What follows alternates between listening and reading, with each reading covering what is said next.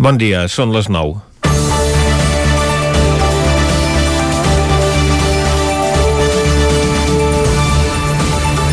Afortunadament, els indicadors epidemiològics estan caient en picat a tot Catalunya i des de ja fa uns quants dies l'índex de risc ha baixat de molt alt a alt a Osona, el Vallès Oriental i el Moianès. Només al Ripollès els últims dies hi ha hagut un increment de casos i tornen a estar per sobre de la barrera dels 200 punts, si bé per ben poc. La tendència és a millorar després que en aquesta comarca ja hi hagi un 40% de la població que ha rebut la primera dosi del vaccí i gairebé la meitat d'aquests tinguin la pauta completa.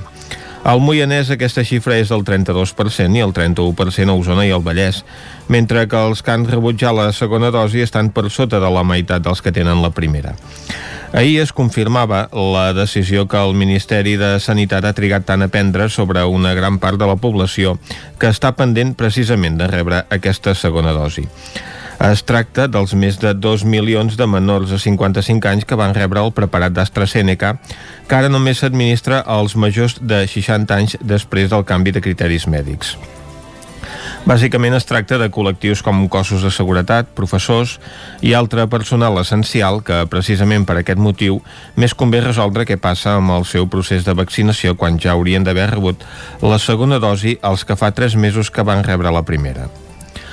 La Comissió de Salut Pública ha decidit que ara tots ells se'ls vaccinarà amb Pfizer, tot i que si algú demana tornar a rebre AstraZeneca, també se li administrarà. Una decisió avalada per un estudi encarregat pel Ministeri a l'Institut de Salut Carlos III de Madrid, que ha determinat que la combinació resulta encara més eficaç.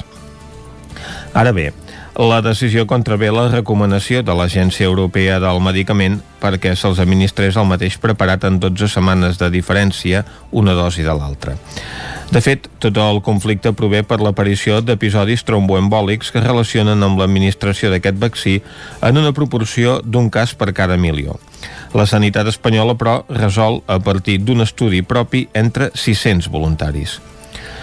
La consellera de Salut, Alba Vergés, es mostrava ahir en contra d'aquesta decisió i proposava tancar el cicle amb el vaccí d'Oxford als més de 200.000 catalans que l'havien iniciat perquè creu que és segur. Apuntava així mateix que la seva proposta permet accelerar el ritme d'immunització perquè, si no, d'entrada s'haurien d'aturar 90.000 cites que ja han estat donades a persones que rebran el vaccí de Pfizer i criticava també la gestió que n'està fent el Ministeri. Segurament és l'última oportunitat de Vergés d'establir un perfil propi en tot aquest conflicte que ha marcat la seva gestió al departament i l'ha condemnat.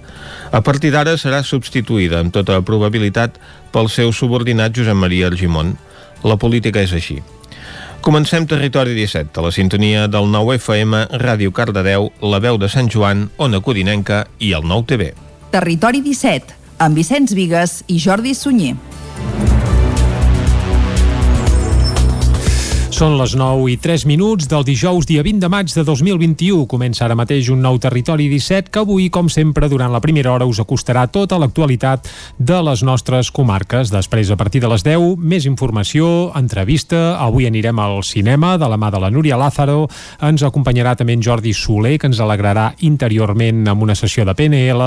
I acabarem al punt de les 12 del migdia amb el racó de pensar amb la Maria López. Tot això ho farem des d'ara mateix i fins al punt de les 12 12 del migdia. I com sempre, el que toca per arrencar és fer un repàs a l'actualitat de casa nostra, l'actualitat de les comarques del Ripollès, Osona, el Moianès i el Vallès Oriental.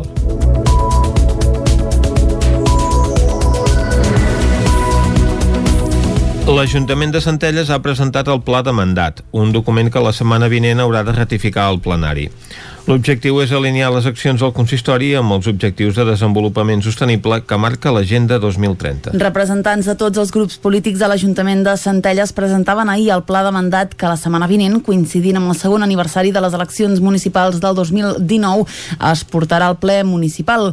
El document vol alinear les accions del consistori amb els 17 objectius de desenvolupament sostenible que marca l'Agenda 2030. L'objectiu, entre d'altres, és potenciar les polítiques de participació alimentació, fomentar els hàbits saludables, la seguretat i continuar modernitzant amb criteris de transparència l'administració pública. Josep Paré és l'alcalde de Centelles. Aquest pla de mandat és un pla missatge de que hi ha un projecte de municipi, un projecte doncs, que vol eh, a través dels serveis de les persones millorar i oferir equipaments i serveis al conjunt de la ciutadania i fer-ho millorant i transformant tots aquells projectes i iniciatives doncs, que així sigui necessari i amb l'objectiu de que Centelles avanci pel benefici de, de tots els que hi vivim pel que fa a la cultura, la pedra angular del projecte és la creació de l'anomenada Illa Cultural. Aquest document es complementarà amb el pla d'actuació municipal que el consistori definirà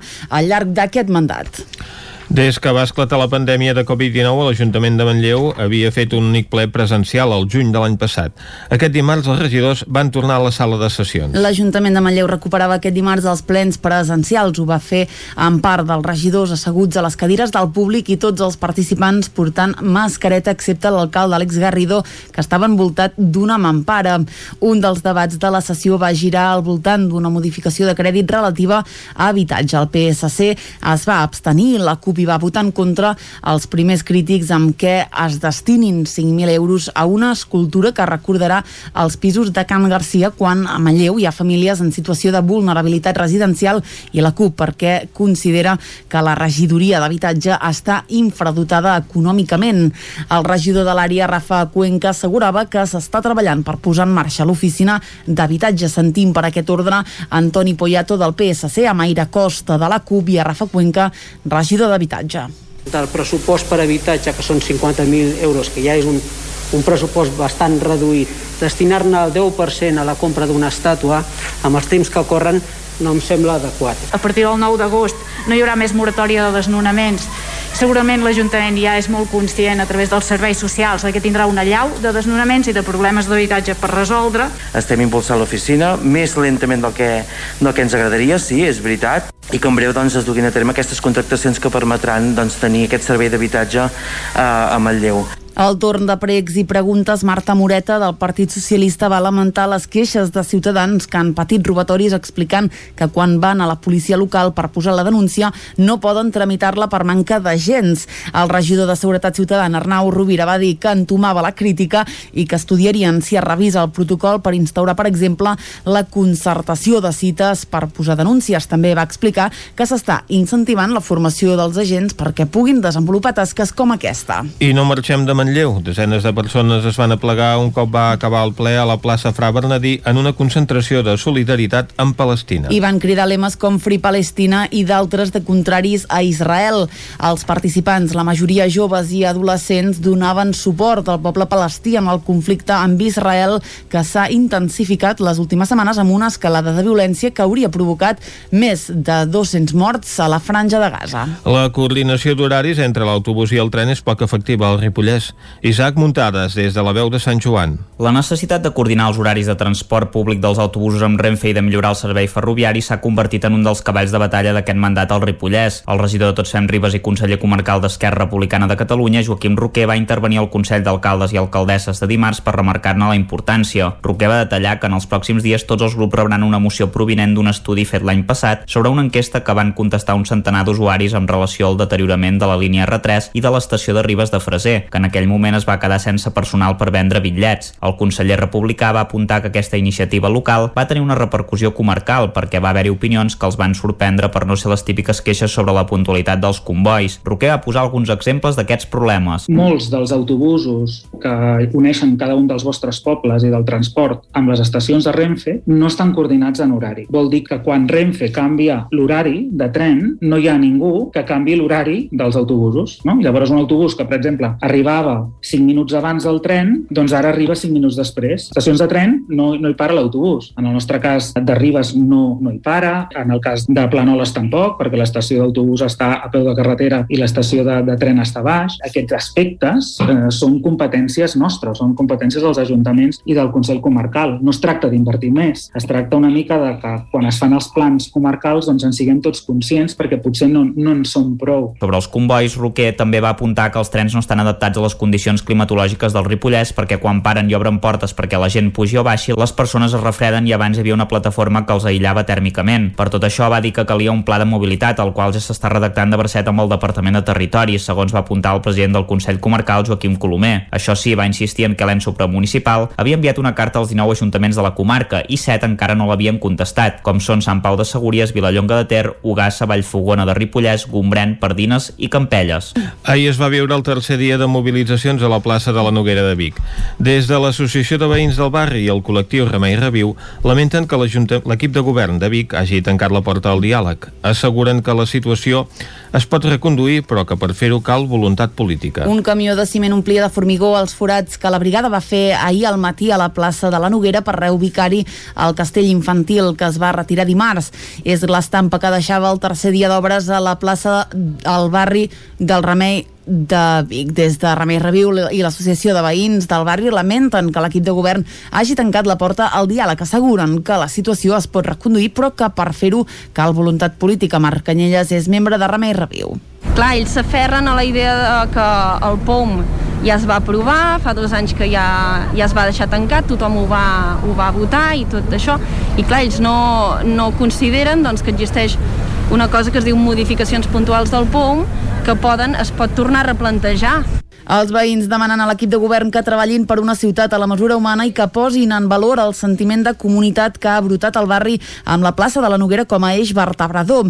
En cas de no reconsiderar-se l'escenari actual, creuen que es podria parlar d'un principi de gentrificació. Carme Vilaragut és la presidenta de l'Associació de Veïns i Veïnes del barri del Remei anem apartant una mica eh, aquesta, eh, aquesta imatge dels nouvinguts, que és la imatge real del nou Vic, perquè no agrada, malgrat siguin tots aquí al barri, o una gran majoria aquí al barri.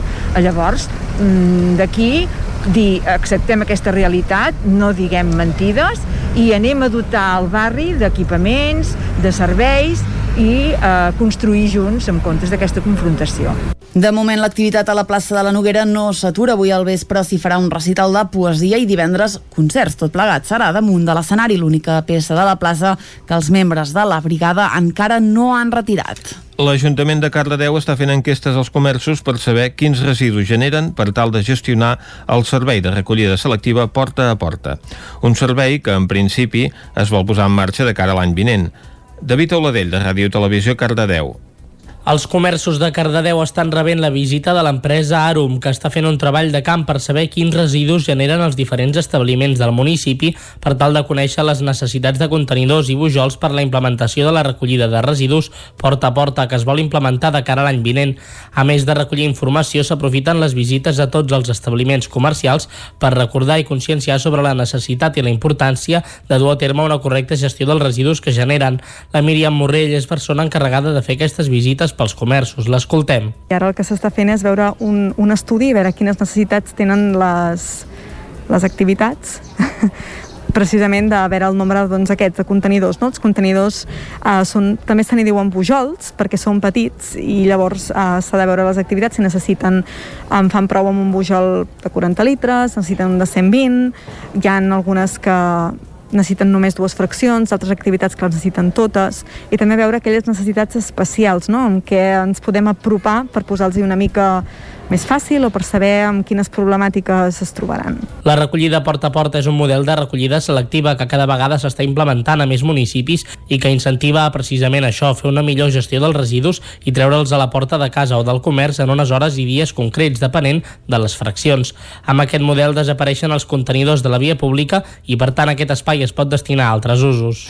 La 38a edició del concurs de teatre amateur Vila de Sant Feliu de Codines posa el punt i final aquest cap de setmana. Caral Campàs, des d'Ona Codinenca. Aquest diumenge al matí, el Centre Cívic La Fonteta acollirà la cluenda dels dos últims concursos. S'han ajuntat en un acte únic la 38a i 37a edició perquè les restriccions havien impedit la celebració de l'anterior.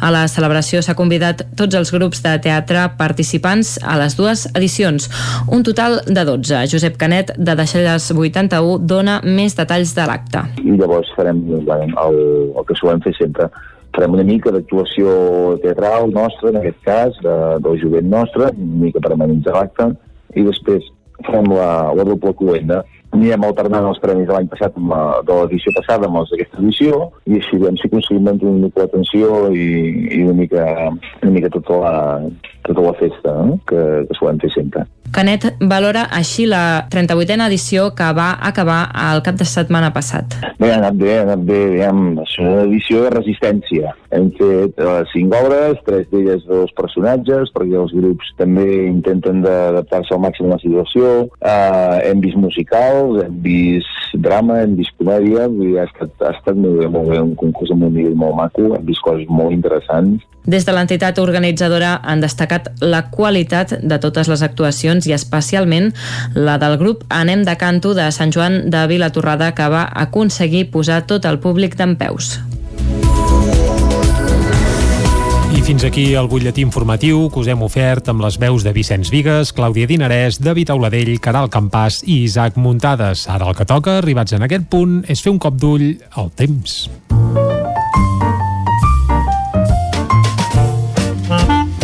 Casa Terradellos us ofereix el temps. I aquí a Territori 17 parlar del temps és sempre sinònim de parlar amb el Pep Acosta, qui ja saludem ara mateix. Molt bon dia, Pep. Hola, molt bon dia. I molt bona hora. Benvinguts a la informació del temps. Gràcies.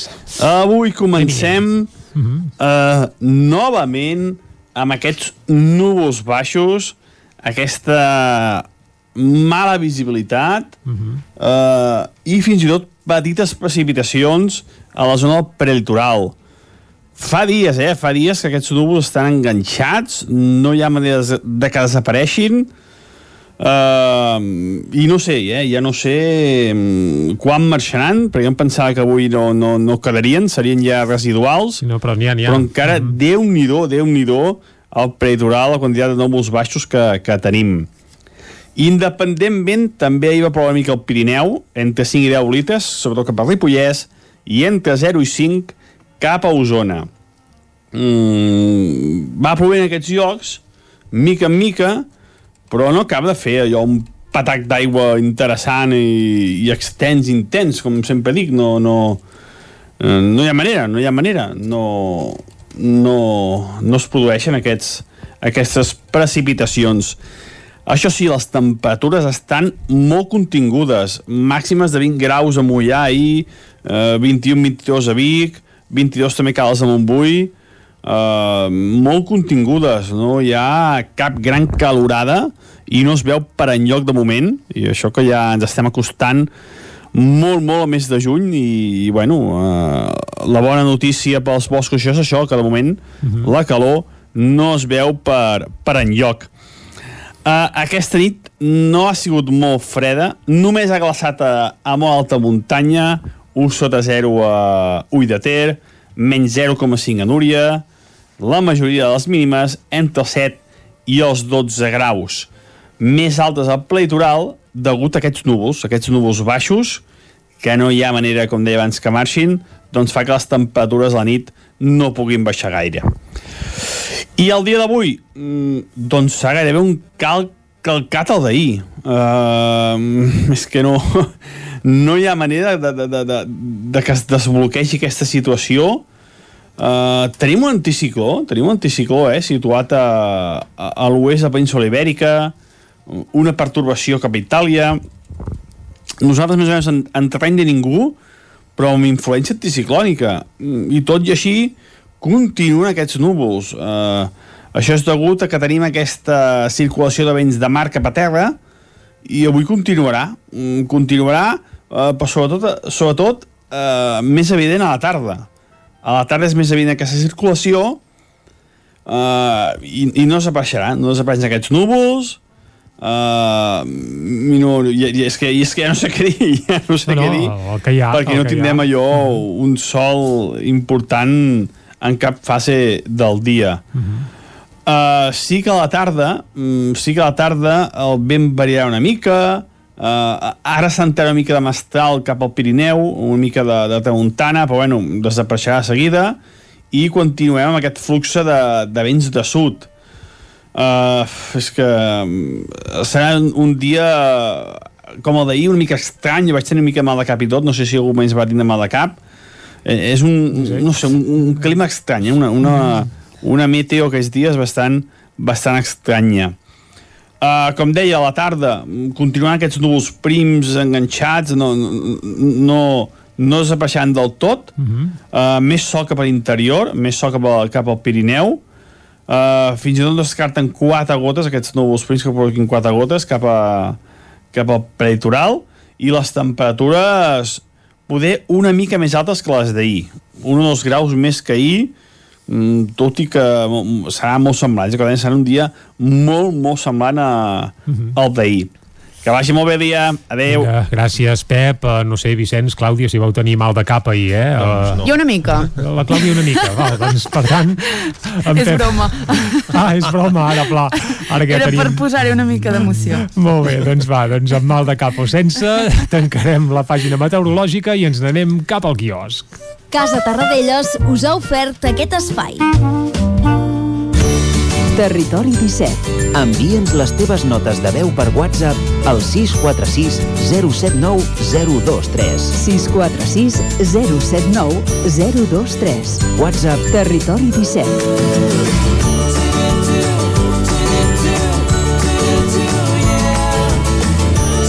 Territori 17 som a Facebook, Twitter i Instagram amb l'usuari Territori 17.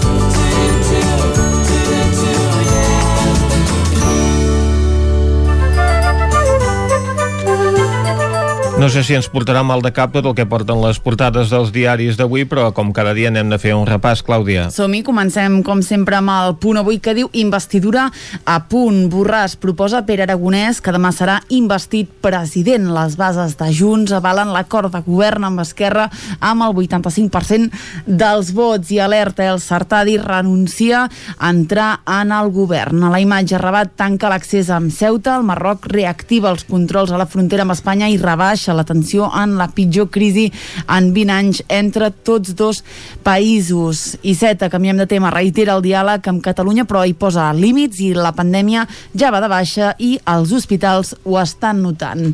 Anem al diari ara que diu la renúncia d'Artadi altera els plans de Junts per Catalunya. Els juntistes han de buscar ara un altre candidat per ocupar la vicepresidència del govern. Pere Aragonès afronta avui el debat d'investidura i serà escollit president demà al tercer intent. A la imatge són víctimes del joc entre el Marroc i Espanya. És el conflicte de la setmana. Avui el diari Ara continuen amb el cas Institut del Teatre, un cas que ells mateixos van destapar fa setmanes. Diu 13 professors investigats, 3 expedientats i un a la Fiscalia. Entrevisten avui a Núria Plana, que és la directora provisional de l'Institut del Teatre, que diu hi ha fets demostrats d'indicis d'assetjament sexual. Anem al periòdico que diu Correus tornaran a casa la gestió humanitària dels 1.500 menors marroquins no acompanyats que van arribar a Ceuta es converteix en una gran preocupació per Espanya. Sánchez i Casado no es donen treva malgrat admetre la gravetat de la crisi. Canviem de tema, el turisme recupera l'optimisme a Fitur pel declivi de la pandèmia. Espanya confia a vacunar els alumnes d'institut a l'inici de curs.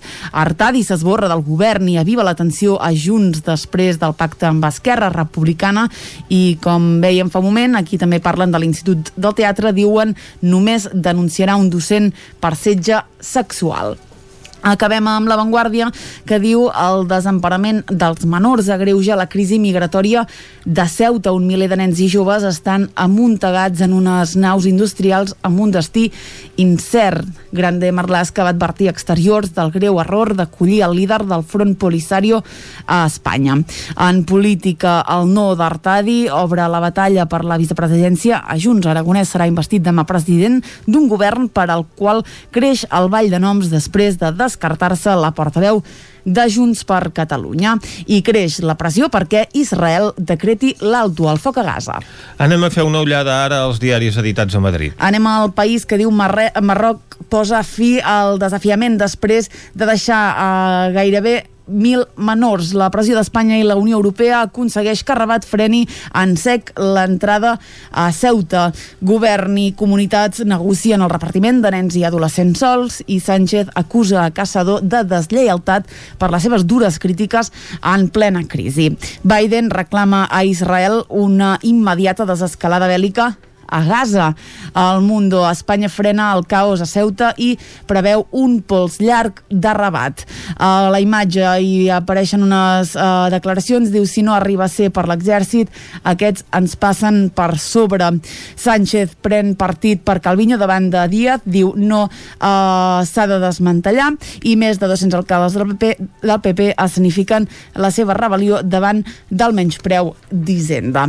Avancem i anem a la raó que diu Zarzuela espera llum verda per mediar amb Marroc. De portar menes, diu, per la porta de darrere. És la, el titular que acompanya la imatge d'avui a la Razón. Diu Interior traslladarà a diferents comunitats a 200 menors de Ceuta. I acabem amb l'ABC que també obre amb la crisi migratòria a Ceuta. Diu només la, la fermesa de la Unió Europea frena el xantatge de Marroc. La Comissió Europea supleix la debilitat del govern de Sánchez i adverteix a Rabat. No ens deixarem intimidar.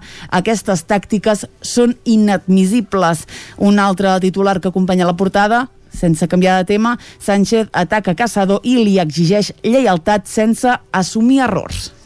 Doncs una portada del diari ABC centrada en aquest conflicte humanitari que s'està vivint a Ceuta, igual que la resta de diaris d'avui, doncs tots han eh, optat per aquesta situació que s'està vivint en aquesta colònia espanyola per dedicar-hi la seva portada. És el tema de la fotografia de portada de tots els diaris d'avui, amb una que veiem de forma reiterada, però amb, amb, diferents, eh, amb diferents perspectives. Es tracta de centenars de menors que estan asseguts a l'espera que els facin una prova de Covid el diari El País eh, doncs ofereix un pla més tancat d'aquesta imatge aèria des de la portada de la Razón la veiem ja una mica més oberta i a l'avantguàrdia en aquesta imatge al complet veiem doncs no només aquests menors sinó també les furgonetes de la policia doncs que controlen l'accés en aquest carrer on es fan aquestes proves aquests centenars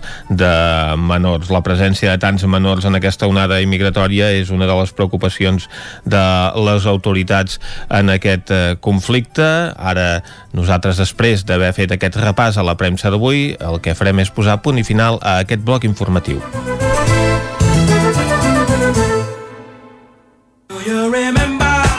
Automòbils Pla de Vall. Som una empresa familiar amb 36 anys d'experiència en la compra-venda de cotxes nous, seminous i d'ocasió. Els nostres vehicles són completament revisats abans de la seva entrega al client, amb els manteniments al dia i amb garantia personalitzada. Finançament a mida del client. Vine a Automòbils Pla de Vall i t'assessorarem. Som a la carretera de la Guixa, número 1719 de Vic. Mudances a la carta. Som especialistes en muntatge i desmuntatge de mobles. Oferim servei de guardamobles i fem mudances a tot el territori. Trasllats de pianos i peces delicades i també fem embalatge i protegim. Mudances a la carta. Serveis adaptats a cada client. Ens trobaràs al telèfon 605 04 34 75. Armínia Pineda, tot en tèxtils per a la decoració. T'ajudem a aconseguir l'ambient que tu vulguis. Disposem d'un gran assortit de teles, coixins i roba mida per autocaravanes. Armínia Pineda, som al carrer de la Bòbila número 1 dels Hostalets de Balanya. Cocodril Club. Si t'agrada la bona música dels anys 60, 70 i 80, escolta el 9 FM als matins de dissabtes i diumenges d'11 a 1. És el temps del Cocodril Club, tot un clàssic de la ràdio, amb les bases del pop-rock, les llegendes, les cançons que s'han convertit en autèntics himnes. Recorda, dissabtes i diumenges al matí, d'11 a 1, al 9 FM 92.8. Cocodril Club, el programa revival de l'Albert Malla. Hasta luego, cocodrilo. Cobertes serveis funeraris. Els nostres tanatoris estan ubicats en els nuclis urbans més poblats de la comarca d'Osona per oferir un millor servei. Tanatori de Vic, Tanatori de Manlleu, Tanatori de Centelles i Tanatori de Roda de Ter. Sabem que són moments difícils i per això el nostre compromís és atendre-us en tot moment amb un tracte humà, sensible i respectuós. Cobertes serveis funeraris. Telèfon 24 hores 93 883 23 46. Xalant Moda i Complements. Nova temporada primavera-estiu. Moda home-dona, nen-nena, sabates, bosses de mà, maletes, complements i molt més. Vine a veure, ens trobaràs una secció d'ofertes amb roba de la temporada passada a 10 euros i 19 euros. Vine a Can Xalant, ens trobaràs al carrer Sant Tomàs número 6 de Call d'Atenes. També a Instagram i Facebook.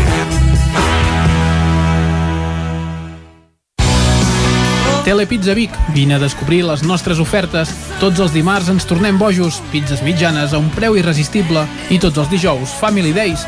Gaudeix tota la setmana del triple de Telepizza per 7 euros amb 25 cèntims cada una si les passes a recollir. Telepizza Vic. Som a la carretera de la Guixa, número 12.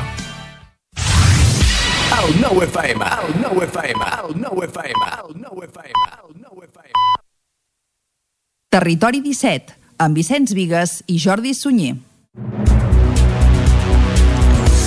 Dos quarts de deu en punt d'avui, dijous, dia 20 de maig de 2021. Seguim en directe aquí a Territori 17 i el que toca ara mateix és acostar-vos de nou tota l'actualitat de les nostres comarques. Després ja ho sabeu, a partir de les 10 seguirem i us farem companyia fins a les 12. Avui parlant de cinema, amb la visita d'en Jordi Soler, que ens alegrarà interiorment.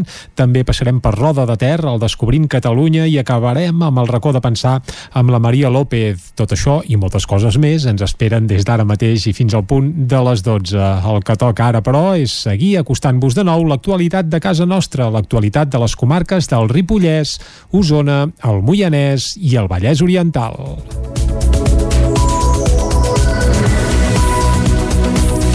L'Ajuntament de Centelles ha presentat el Pla de Mandat, un document que la setmana vinent haurà de ratificar el plenari. L'objectiu és alinear les accions del consistori amb els objectius de desenvolupament sostenible que marca l'Agenda 2030. Representants de tots els grups polítics de l'Ajuntament de Centelles presentaven ahir el Pla de Mandat que la setmana vinent, coincidint amb el segon aniversari de les eleccions municipals del 2019, es portarà al ple municipal. El document vol alinear les accions del consistori amb els 17 objectius de desenvolupament sostenible sostenible que marca l'Agenda 2030. L'objectiu, entre d'altres, és potenciar les polítiques de participació, fomentar els hàbits saludables, la seguretat i continuar modernitzant amb criteris de transparència l'administració pública. Josep Paré és l'alcalde de Centelles. Aquest pla de mandat és un pla missatge de que hi ha un projecte de municipi, un projecte doncs, que vol eh, a través dels serveis de les persones millorar i oferir equipaments i serveis a tot el conjunt de la ciutadania i fer-ho millorant i transformant tots aquells projectes i iniciatives doncs, que així sigui necessari i amb l'objectiu de que Centelles avanci pel benefici de, de tots els que hi vivim pel que fa a la cultura, la pedra angular del projecte és la creació de l'anomenada Illa Cultural. Aquest document es complementarà amb el pla d'actuació municipal que el consistori definirà al llarg d'aquest mandat. Des que va esclatar la pandèmia de Covid-19, l'Ajuntament de Manlleu havia fet un únic ple presencial al juny de l'any passat. Aquest dimarts els regidors van tornar a la sala de sessions. L'Ajuntament de Manlleu recuperava aquest dimarts els plens presencials. Ho va fer en part dels regidors asseguts a les cadires del públic i tots els participants participants portant mascareta excepte l'alcalde Àlex Garrido que estava envoltat d'una mampara. Un dels debats de la sessió va girar al voltant d'una modificació de crèdit relativa a habitatge. El PSC es va abstenir, la CUP hi va votar en contra els primers crítics amb què es destinin 5.000 euros a una escultura que recordarà els pisos de Can Garcia quan a Manlleu hi ha famílies en situació de vulnerabilitat residencial i la CUP perquè considera que la regidoria d'habitatge està infradotada dotada econòmicament. El regidor de l'àrea, Rafa Cuenca, assegurava que s'està treballant per posar en marxa l'oficina d'habitatge. Sentim per aquest ordre Antoni Poyato del PSC, a Maire Costa de la CUP i a Rafa Cuenca, regidor d'habitatge del pressupost per habitatge, que són 50.000 euros, que ja és un, un pressupost bastant reduït, destinar-ne el 10% a la compra d'una estàtua, amb els temps que corren, no em sembla adequat. A partir del 9 d'agost no hi haurà més moratòria de desnonaments. Segurament l'Ajuntament ja és molt conscient a través dels serveis socials que tindrà una llau de desnonaments i de problemes d'habitatge per resoldre. Estem impulsant l'oficina més lentament del que, del que ens agradaria, sí, és veritat, i que en breu doncs, es duguin a terme aquestes contractacions que permetran doncs, tenir aquest servei d'habitatge eh, a Manlleu. Al torn de pregs i preguntes, Marta Moreta del Partit Socialista va lamentar les queixes de ciutadans que han patit robatoris explicant que quan van a la policia local per posar la denúncia no poden tramitar-la per manca d'agents. El regidor de Seguretat Ciutadana, Arnau Rovira, va dir que entomava la crítica i que estudiarien si es revisa el protocol per instaurar, per exemple, la concertació de cites per posar denúncies. També va explicar que s'està incentivant la formació dels agents perquè puguin desenvolupar tasques com aquesta. I no marxem de Manlleu. Desenes de persones es van aplegar un cop va acabar el ple a la plaça Fra Bernadí en una concentració de solidaritat amb Palestina. I van cridar lemes com Free Palestina i d'altres de contraris a Israel. Els participants, la majoria joves i adolescents, donaven suport al poble palestí amb el conflicte amb Israel que s'ha intensificat les últimes setmanes amb una escalada de violència que hauria provocat més de 200 morts a la franja de Gaza. La coordinació d'horaris entre l'autobús i el tren és poc efectiva al Ripollès. Isaac Muntades, des de la veu de Sant Joan. La necessitat de coordinar els horaris de transport públic dels autobusos amb Renfe i de millorar el servei ferroviari s'ha convertit en un dels cavalls de batalla d'aquest mandat al Ripollès. El regidor de Tots Fem Ribes i conseller comarcal d'Esquerra Republicana de Catalunya, Joaquim Roquer, va intervenir al Consell d'Alcaldes i Alcaldesses de dimarts per remarcar-ne la importància. Roquer va detallar que en els pròxims dies tots els grups rebran una moció provinent d'un estudi fet l'any passat sobre una enquesta que van contestar un centenar d'usuaris amb relació al deteriorament de la línia R3 i de l'estació de Ribes de Freser, que en aquell moment es va quedar sense personal per vendre bitllets. El conseller republicà va apuntar que aquesta iniciativa local va tenir una repercussió comarcal perquè va haver-hi opinions que els van sorprendre per no ser les típiques queixes sobre la puntualitat dels convois. Roquer va posar alguns exemples d'aquests problemes. Molts dels autobusos que uneixen cada un dels vostres pobles i del transport amb les estacions de Renfe no estan coordinats en horari. Vol dir que quan Renfe canvia l'horari de tren, no hi ha ningú que canvi l'horari dels autobusos. No? Llavors un autobús que, per exemple, arribava 5 minuts abans del tren, doncs ara arriba 5 minuts després. Estacions de tren no, no hi para l'autobús. En el nostre cas de Ribes no, no hi para, en el cas de Planoles tampoc, perquè l'estació d'autobús està a peu de carretera i l'estació de, de tren està baix. Aquests aspectes eh, són competències nostres, són competències dels ajuntaments i del Consell Comarcal. No es tracta d'invertir més, es tracta una mica de que quan es fan els plans comarcals doncs en siguem tots conscients perquè potser no, no en som prou. Sobre els convois, Roquer també va apuntar que els trens no estan adaptats a les condicions climatològiques del Ripollès perquè quan paren i obren portes perquè la gent pugi o baixi, les persones es refreden i abans hi havia una plataforma que els aïllava tèrmicament. Per tot això va dir que calia un pla de mobilitat, el qual ja s'està redactant de bracet amb el Departament de Territori, segons va apuntar el president del Consell Comarcal, Joaquim Colomer. Això sí, va insistir en que l'EN supramunicipal havia enviat una carta als 19 ajuntaments de la comarca i 7 encara no l'havien contestat, com són Sant Pau de Segúries, Vilallonga de Ter, Ugassa, Vallfogona de Ripollès, Gombrèn, Pardines i Campelles. Ahir es va viure el tercer dia de mobilitzacions a la plaça de la Noguera de Vic. Des de l'Associació de Veïns del Barri i el col·lectiu Remei Reviu lamenten que l'equip de govern de Vic hagi tancat la porta al diàleg. Asseguren que la situació es pot reconduir, però que per fer-ho cal voluntat política. Un camió de ciment omplia de formigó els forats que la brigada va fer ahir al matí a la plaça de la Noguera per reubicar-hi el castell infantil que es va retirar dimarts. És l'estampa que deixava el tercer dia d'obres a la plaça al barri del Remei de Vic. Des de Remei Reviu i l'Associació de Veïns del barri lamenten que l'equip de govern hagi tancat la porta al diàleg. Asseguren que la situació es pot reconduir, però que per fer-ho cal voluntat política. Marc Canyelles és membre de Remei Reviu.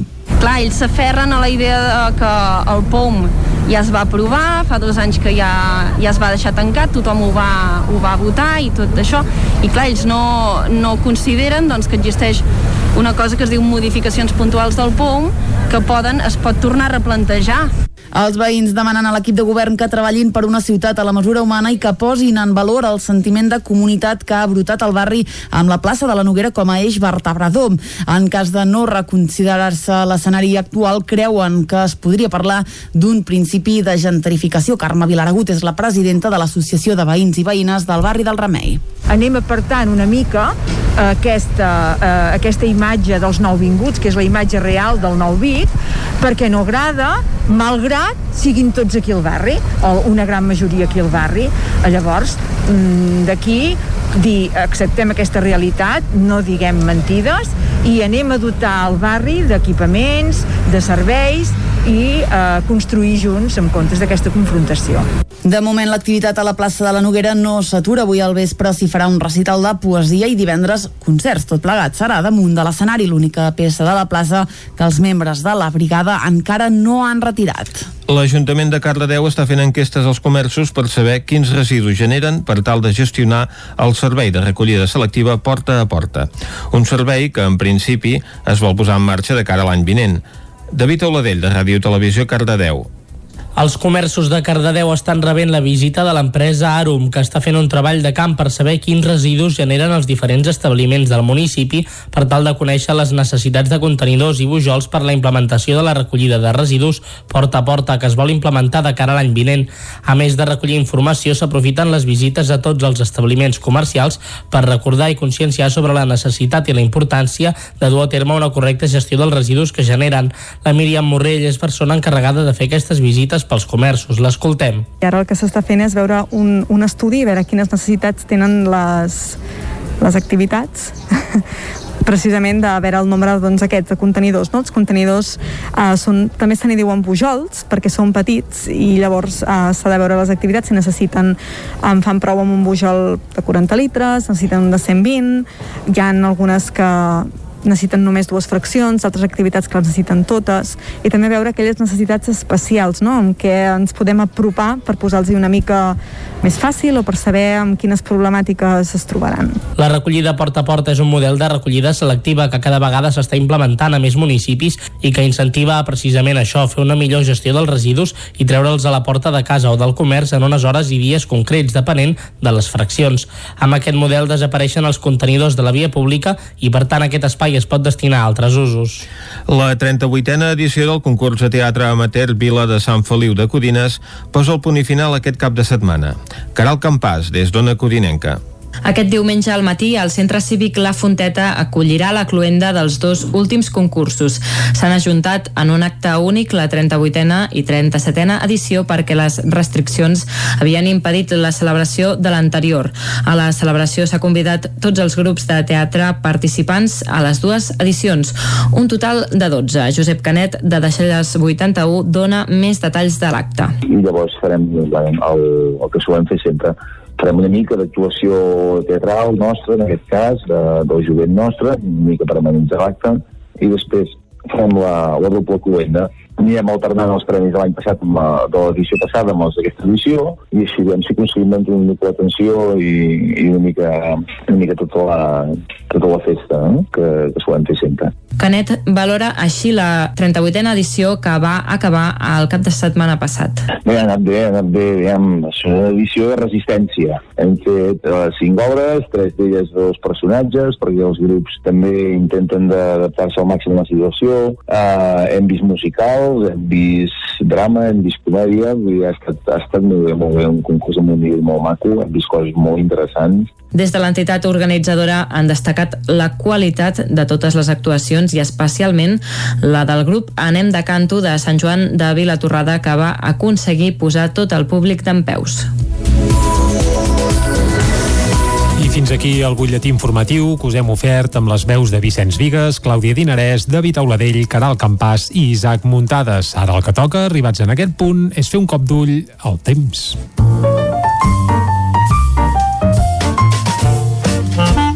Casa Terradellos us ofereix el temps. I aquí a Territori 17 parlar del temps és sempre sinònim de parlar amb el Pep Acosta, qui ja saludem ara mateix. Molt bon dia, Pep. Hola, molt bon dia. I molt bona hora. Benvinguts a la informació del temps. Gràcies.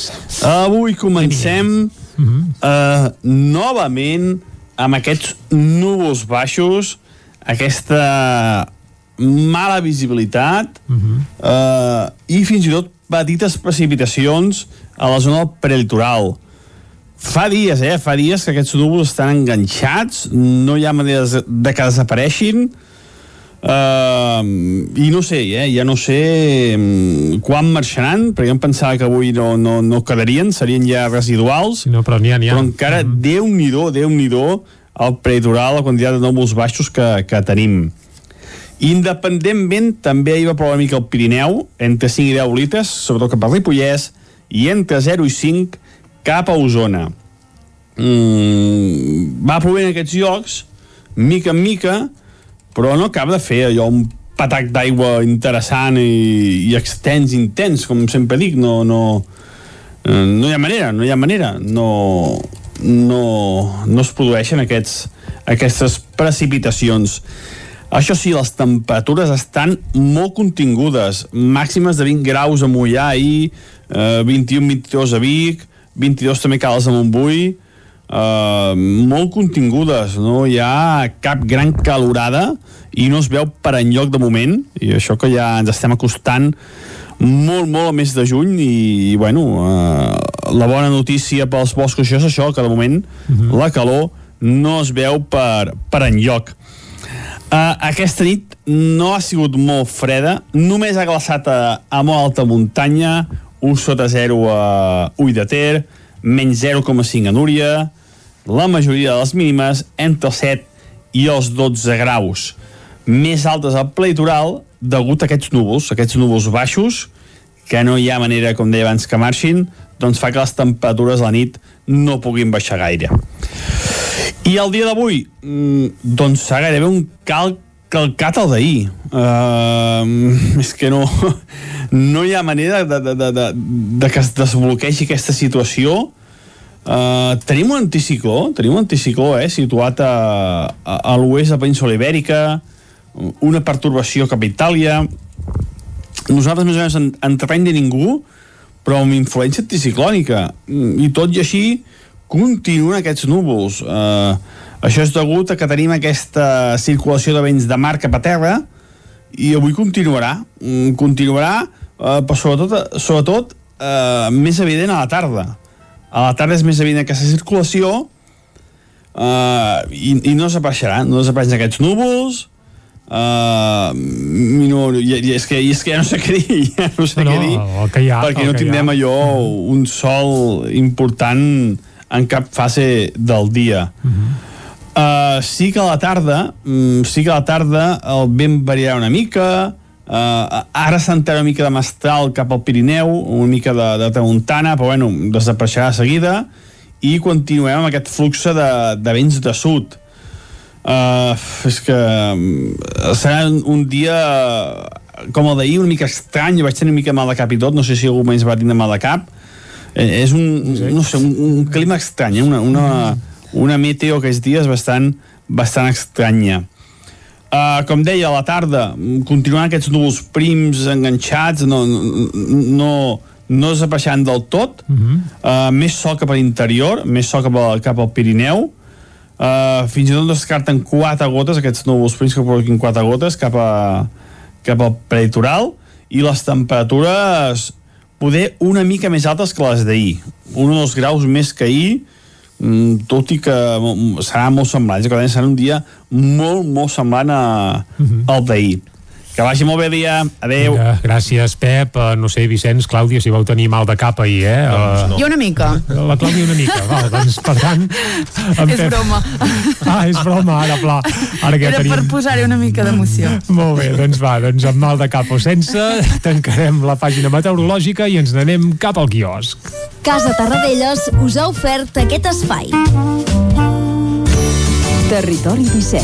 Envia'ns les teves notes de veu per WhatsApp al 646 079 023. 646 079 023. WhatsApp Territori 17.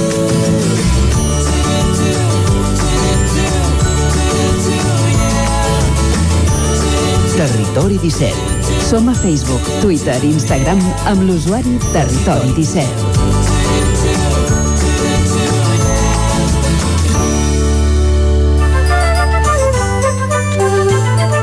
No sé si ens portarà mal de cap tot el que porten les portades dels diaris d'avui, però com cada dia anem de fer un repàs, Clàudia. Som-hi, comencem com sempre amb el punt avui que diu investidura a punt. Borràs proposa Pere Aragonès que demà serà investit president. Les bases de Junts avalen l'acord de govern amb Esquerra amb el 85% dels vots i alerta el Sartadi renuncia a entrar en el govern. A la imatge Rabat tanca l'accés amb Ceuta, el Marroc reactiva els controls a la frontera amb Espanya i rebaixa baixa la tensió en la pitjor crisi en 20 anys entre tots dos països. I Seta, canviem de tema, reitera el diàleg amb Catalunya, però hi posa límits i la pandèmia ja va de baixa i els hospitals ho estan notant. Anem al diari ara que diu la renúncia d'Artadi altera els plans de Junts per Catalunya. Els juntistes han de buscar ara un altre candidat per ocupar la vicepresidència del govern. Pere Aragonès afronta avui el debat d'investidura i serà escollit president demà al tercer intent. A la imatge són víctimes del joc entre el Marroc i Espanya. És el conflicte de la setmana. Avui el diari Ara continuen amb el cas Institut del Teatre, un cas que ells mateixos van destapar fa setmanes, diu 13 professors investigats, 3 expedientats i un a la Fiscalia. Entrevisten avui a Núria Plana, que és la directora provisional de l'Institut del Teatre, que diu hi ha fets demostrats d'indicis d'assetjament sexual. Anem al periòdico que diu Correus tornaran a casa la gestió humanitària dels 1.500 menors marroquins no acompanyats que van arribar a Ceuta es converteix en una gran preocupació per Espanya. Sánchez i Casado no es donen treva malgrat admetre la gravetat de la crisi. Canviem de tema, el turisme recupera l'optimisme a Fitur pel declivi de la pandèmia. Espanya confia a vacunar els alumnes d'institut a l'inici de curs. Artadi s'esborra del govern i aviva l'atenció a Junts després del pacte amb Esquerra Republicana i com veiem fa un moment, aquí també parlen de l'Institut del Teatre, diuen només denunciarà un docent per setge sexual. Acabem amb l'avantguàrdia que diu el desemparament dels menors agreuja la crisi migratòria de Ceuta. Un miler de nens i joves estan amuntegats en unes naus industrials amb un destí incert. Grande Marlàs que va advertir exteriors del greu error d'acollir el líder del front Polisario a Espanya. En política, el no d'Artadi obre la batalla per la vicepresidència a Junts. Aragonès serà investit demà president d'un govern per al qual creix el ball de noms després de descartar-se la portaveu de Junts per Catalunya i creix la pressió perquè Israel decreti l'alto al foc a Gaza. Anem a fer una ullada ara als diaris editats a Madrid. Anem al país que diu Marre Marroc posa fi al desafiament després de deixar eh, gairebé mil menors. La pressió d'Espanya i la Unió Europea aconsegueix que Rabat freni en sec l'entrada a Ceuta.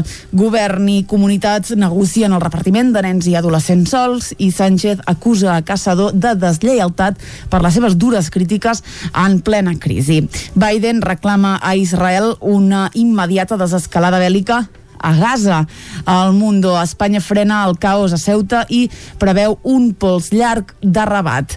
A la imatge hi apareixen unes uh, declaracions, diu si no arriba a ser per l'exèrcit, aquests ens passen per sobre.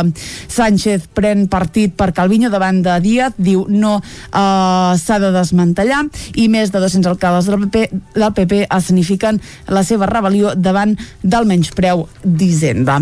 Avancem i anem a la raó que diu Zarzuela Venezuela espera llum verda per mediar amb Marroc. De portar menes diu per la porta de darrere. És la, el titular que acompanya la imatge d'avui a la Razón. Diu Interior traslladarà a diferents comunitats a 200 menors de Ceuta. I acabem amb l'ABC que també obre amb la crisi migratòria a Ceuta. Diu només la, la fermesa de la Unió Europea frena el xantatge de Marroc. La Comissió Europea supleix la debilitat del govern de Sánchez i adverteix a Rabat. No ens deixarem intimidar. Aquestes tàctiques són inadmissibles. Un altre titular que acompanya la portada sense canviar de tema, Sánchez ataca Casado i li exigeix lleialtat sense assumir errors. Doncs una portada del diari ABC centrada en aquest conflicte humanitari que s'està vivint a Ceuta, igual que la resta de diaris d'avui, doncs tots han eh, optat per aquesta situació que s'està vivint en aquesta colònia espanyola per dedicar-hi la seva portada. És el tema de la fotografia de portada de tots els diaris d'avui, amb una que veiem de forma reiterada, però amb, amb, diferents, eh, amb diferents perspectives. Es tracta de centenars de menors que estan asseguts a l'espera que els facin una prova de Covid El diari El País eh, doncs ofereix un pla més tancat d'aquesta imatge aèria des de la portada de la Razón la veiem ja una mica més oberta i a l'avantguàrdia en aquesta imatge al complet veiem doncs no només aquests eh, menors sinó també les furgonetes de la policia doncs que controlen l'accés en aquest carrer on es fan aquestes proves aquests centenars de menors. La presència de tants menors en aquesta onada immigratòria és una de les preocupacions de les autoritats en aquest eh, conflicte. Ara nosaltres, després d'haver fet aquest repàs a la premsa d'avui, el que farem és posar punt i final a aquest bloc informatiu. Doncs vinga, tanquem, Vicenç, el bloc informatiu. Uh -huh. uh, jo em pregunto aquests menors tan petits que, que bé, que han venen? arribat a... Clar, d'on venen? I els seus pares? És, és... és que són preguntes que, bé, com a pare, eh, hi han coses que no les entens, no? Uh -huh. Clar, amb adolescents uh, joves, però amb infants tan i tan menuts, és ben bé I que n'hi hagi tants i tants. Correcte. Uh, bé, una desgràcia.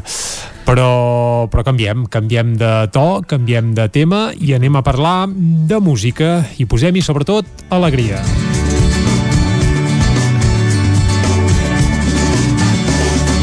Cau el sol de sora baixa I posem alegria perquè això que sona precisament és Alegria d'Antònia Font. I avui el racó musical que dediquem cada dia aquí a Territori 17 el volem dedicar a aquest emblemàtic i històric grup de pop uh, de Palma uh, que tornen, Vicenç. Uh, dius ara? sí, sí, sí. L'any 2022 el Primavera Sound, aquest festival uh, barceloní que també tornarà, doncs un dels caps de cartell seran Antònia Font, que després de 8 anys d'haver plegat veles, doncs tornaran als escenaris a fer directes amb la formació original, eh? el Joan Miquel Oliver, que precisament aquest cap de setmana el tenim a Vic, eh, amb el seu projecte en solitari, amb el Pau de Bon a la veu, el Jaume Manresa als teclats, vaja, que tornaran en directe a partir de l'any que ve, i és per això que avui escoltarem una mica d'Antònia Font per recordar aquelles melodies, aquelles lletres una mica galàctiques també, eh, que segurament els converteix en un dels grups més originals que hi ha hagut mai en l'escena del pop dels països catalans. Original ja pel nom, per començar. Sí, per exemple, sí, sí. Uh, bé, ja saps prou que era una mestra seva, uh, l'Antònia Font. Sí, sí, no, existia i existeix, Existeix, encara. eh? I bé, això sí que té certa gràcia, però, però bé, si et sembla, escoltem una mica més d'alegria, una cançó que és del 2002 i que precisament apareixia a l'àlbum que també es va titular Alegria, que segurament va ser eh, el disc que els va catapultar a l'èxit no només a les illes, sinó, ja arreu dels, dels països catalans. Escoltem un fragment més d'alegria i després encara posarem una altra peça dels Antònia Font, que avui eh, estem de festa tots plegats. Va. els avions cau el sol de sora baixa vermell i talent massala i merendada sapent els municipals és evident fan apartar bé sa gent i alegria fees deixaven de riure dies s'ataven i els fars il·luminen ses gòndoles entre ses tases i alegria ses òrbites en sincronia Ah, que bons que eren i que són, que són perquè tornaran a estar vius i actius els Antònia Font i això és motiu de, de celebració i per això avui a Territori 17 els volem recordar. Uh, bé, cal dir que havien plegat veles el 2013, però el 2018 van fer un concert. Va ser en un concert que es va fer a Palma, un macroconcert per la llibertat d'expressió, amb tot de bandes d'arreu de, dels països catalans també. Ells van reaparèixer per un dia i allà una mica ja va néixer aquell espurna allò, hòstia, com mola això, com no sé què, algun dia hi hem de tornar Mhm. i bé, sembla que els plans de retorn ja, ja estaven bastant embastats, no cosits, però embastats sí, però arran de la Covid van haver d'ajornar una mica doncs, tot plegat, però ara sí que l'any vinent Antònia Font torna, el que no han acabat de confirmar és si tornaran eh, només per fer uns quants concerts mm. o si tornaran a més a més amb material nou uh, això sí que seria motiu ja de celebració total i no es descarta perquè bé, precisament fa un parell de dies teníem aquí uh, un bon amic del Joan Miquel Oliver, el Charlie Oliver, bateria Mhm. usonenc que l'acompanya i sembla que... Uh, que el Joan Miquel Oliver està començant a fer alguna cosa també. Però aquí ja no podem dir res. Escolta, aquest retorn està anunciat amb més anticipació que sopa de cabra. Sí, quasi, quasi. Sí, sí, sí.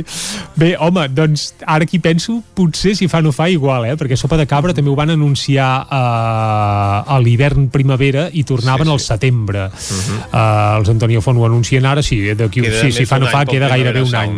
Sí, eh, és veritat s'han avantposat sí. el sopa de cabra i el Sopa van tornar i ja, entre cometes s'han quedat tot i que després hi va haver un parell d'anys de repòs entre el seu retorn i després el retorn amb disc nou, mm -hmm. tant de vols Antonio Font segueixin aquest mateix patró. Això seria motiu de joia i alegria. I ara per arribar fins al punt de les 10 ja estem escoltant el Uo Iea, una de les peces del Batiscafo que dius que és segurament un dels gran, grans èxits que no fallarà als mm. directes d'aquest retorn dels mallorquins Antonio Font. L'escoltem i arribem fins al punt de les 10 aquí a Territori 17. Estrenes vaixells, avioneta i el teu submarit i apartat jo tant sa fruita vermella i quan te t'avi riuré te la pots nen no fars princeses oh yeah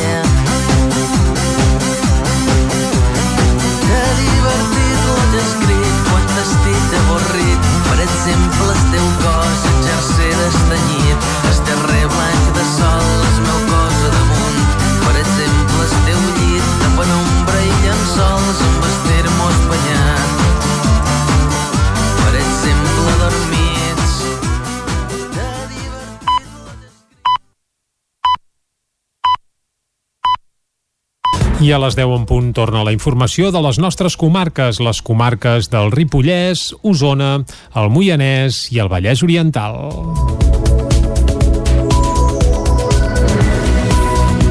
Les dades de Covid continuen evolucionant positivament al Moianès. Baixa el risc de contagi i també disminueix la velocitat de propagació del coronavirus.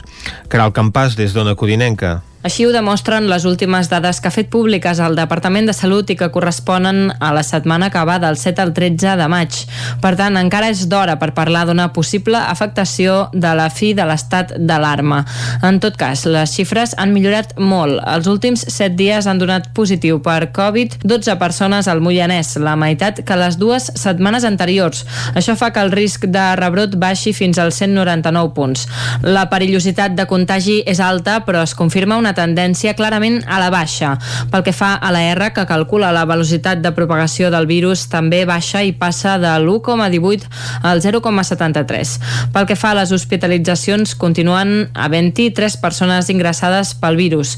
Això sí, la xifra de morts per coronavirus no ha augmentat. Si mirem poble per poble, preocupa principalment la capital, Mollà, amb un risc de rebrot de gairebé 390 punts i 11 contagis en els últims 7 dies. D'altra banda, a hores d'ara no hi ha cap positiu als centres educatius. Amb tot plegat, 528 persones s'han posat la primera dosi durant aquests dies, un rècord pel que fa al procés de vacunació a la comarca. En total, prop de 4.300 moianesos han rebut la primera vacuna i 2.100 ja disposen de la pauta completa. Vic, Centelles i Rupit són els tres municipis usonencs que participaran a la Mobile Week que s'ha presentat aquesta setmana. La iniciativa que impulsen el Mobile Capital Barcelona i la Generalitat arriba a la tercera edició i té l'objectiu d'apropar la tecnologia a la ciutadania a través d'activitats gratuïtes que combinaran el format presencial i el digital.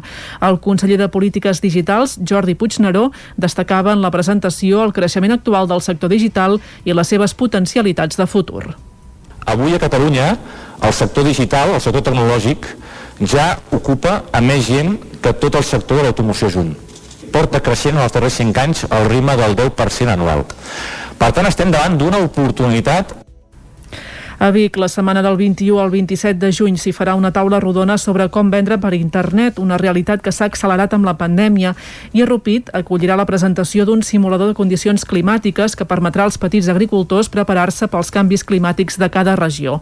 A Centelles, els dies 5 i 6 de juliol, hi ha prevista una xerrada sobre la proliferació de les startups i un taller que explicarà les utilitats més desconegudes dels dispositius mòbils. Comença una campanya de micromecenatge per sufragar part dels costos costos de l'incendi que diumenge va cremar un cobert de la granja del Soler de Nuc, a Prats de Lluçanès. És la mateixa granja on el dia abans Pere Aragonès i Jordi Sánchez s'havien reunit per començar a enllestir el pacte de govern entre Esquerra i Junts. Dissabte s'hi va embastar el pacte que ha Pere Aragonès a la presidència de la Generalitat i l'any demà diumenge la masia del Soler de Nuc de Prats de Lluçanès s'hi va cremar l'espai on guarden l'aliment del bestiar i maquinària amb unes pèrdues que s'ha calculat que pugen fins als 100.000 euros. Al cobert hi havia una telescòpica en pala i un tractor, entre d'altres. Abel Paraire, que està al capdavant de l'explotació, és molt actiu a les xarxes socials i ha encapçalat campanyes de suport a altres pagesos que havien patit incendis o atacs. Ho recordava ahir el seu germà Isaac Paraire, exalcalde de Prats de Lluçanès i el meu germà, que forma part d'una xarxa de, de pagesos i pageses amb compromís, que, que es comparteixen moltes coses i molts reptes, doncs ha, ha estat um, sempre o molt generós també, però sense esperar res a canvi, sinó perquè es creu o ens creiem tots plegats això de defensar la pagesia, el paper que, que té important en aquest país i en aquest moment um, doncs, hi ha hagut un, aquest, aquest grup que han volgut doncs, una mica retornar. Des del Soler no podem fer res més que agrair-ho i que de veritat que ningú que no pugui uh, no faci res mal fet, diguem. Des del Soler de Nuc destaquen que el foc no provoqués mals majors, ja que no va afectar cap persona ni el bestiar, i agraeixen la solidaritat ara cap a ells a través d'un micromecenatge a la plataforma Tot Suma. S'hi pot participar amb aportacions que van des dels 10 fins als 500 euros. Es liciten les obres de recuperació del canal del Molí Petit de Sant Joan de les Abadeses per un import de 185.000 euros. Isaac Muntades, des de la veu de Sant Joan.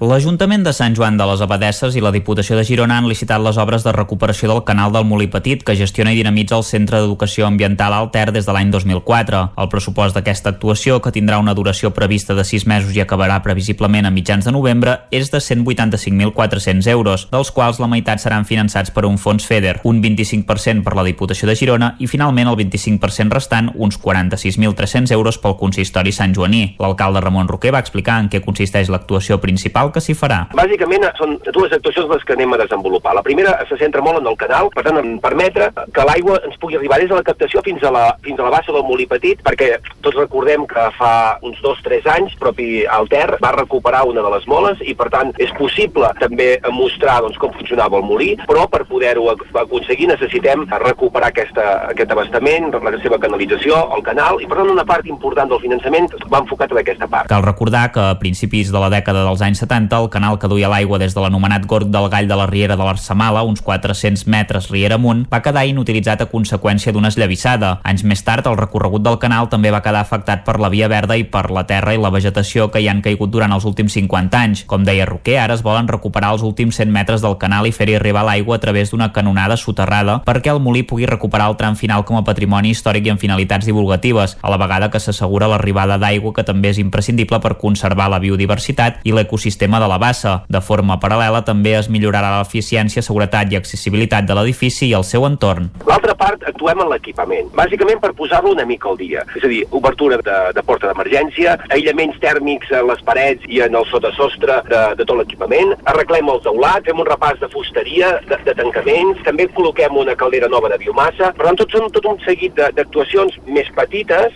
però totes van en, en la línia doncs, de, de tenir un, un equipament eh, el, posat al dia, renovat, totalment reformat, precisament perquè pugui continuar sent la seu de l'Ecomuseu i la seu doncs, del Centre d'Educació Ambiental Alter. També es millorarà el paviment de la primera planta. Pel que fa a l'entorn, es preveu l'actuació en dos punts per perllongar les escales d'accés al Parc de les Mudes, ja que actualment tenen l'últim tram sense executar, i l'esponjament de la vegetació que hi ha sobre el mur i que n'havia malmès alguns trams. Fins al 4 de juny es pot presentar la sol·licitud de subvenció pel pagament del lloguer.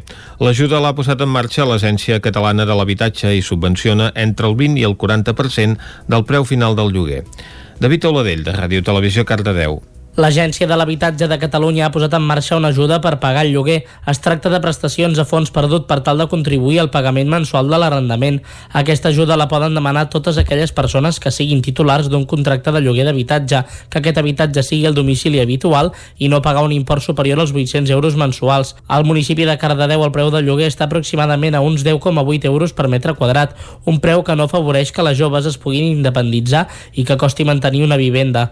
Ugloquet i regidor d'habitatge habitatge en funcions. Bueno, com sabeu, la situació de l'habitatge a Cardedeu ara és bastant problemàtica. Hi ha poca oferta, per una banda, i per l'altra el, no? els preus estan creixent com, com malauradament està passant sobretot en l'àmbit de l'àrea de, del que seria les rodalies de Barcelona i, i llavors davant d'aquesta situació doncs s'intenten prendre diverses mesures per d'alguna manera mitigar aquesta, aquest, aquesta problemàtica. No? Fins al 4 de juny està oberta la convocatòria per poder sol·licitar l'ajut. L'import de la subvenció se situa entre el 20 i el 40% de l'import del lloguer en funció dels ingressos.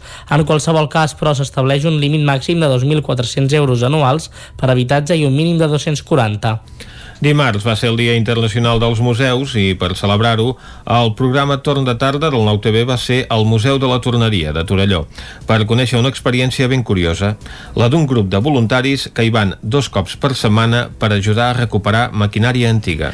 Les màquines de cal fideuer o la ballarina per fer cordill de piano són algunes de les joies que hi ha al magatzem del Museu de la Torneria de Torelló, on des de 2013 hi treballa un grup de voluntaris molt especial.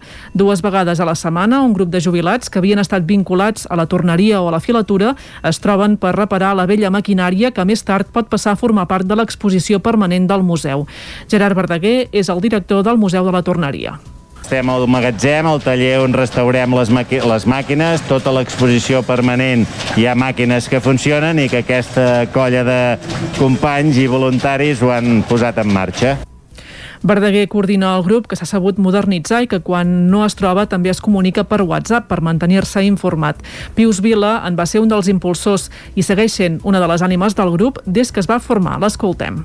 Nosaltres eh, vàrem veure que teníem una, una història amb el museu i ens vam dedicar doncs, a dir, bueno, recuperem-la i vam començar a netejar les màquines, a preparar-les i això. I llavors a més a més de les màquines, també fem el producte. I el producte de torneria també l'hem restaurat i també l'hem... I ara el dia de demà aquest museu pot ser molt bonic, però ara està en fases de, de progrés. De tota manera aquí, a més, és el magatzem de màquines i això, i l'altre cantó ja hi ha bastanta exposició i màquines que ja estan totalment recuperades. Aquest dimarts era el Dia Internacional dels Museus que enguany es va dedicar a la gent gran. Una gent gran que pot explicar la història de bona part dels museus perquè la va viure i a Torelló fins i tot han ajudat a restaurar-la. I fins aquí el butlletí informatiu de les 10 del matí que us hem ofert amb Vicenç Vigues, Natàlia Peix, David Auladell, Caral Campàs i Isaac Muntades.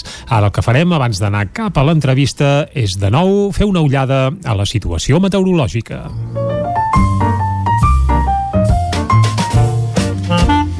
Casa Terradellos us ofereix el temps.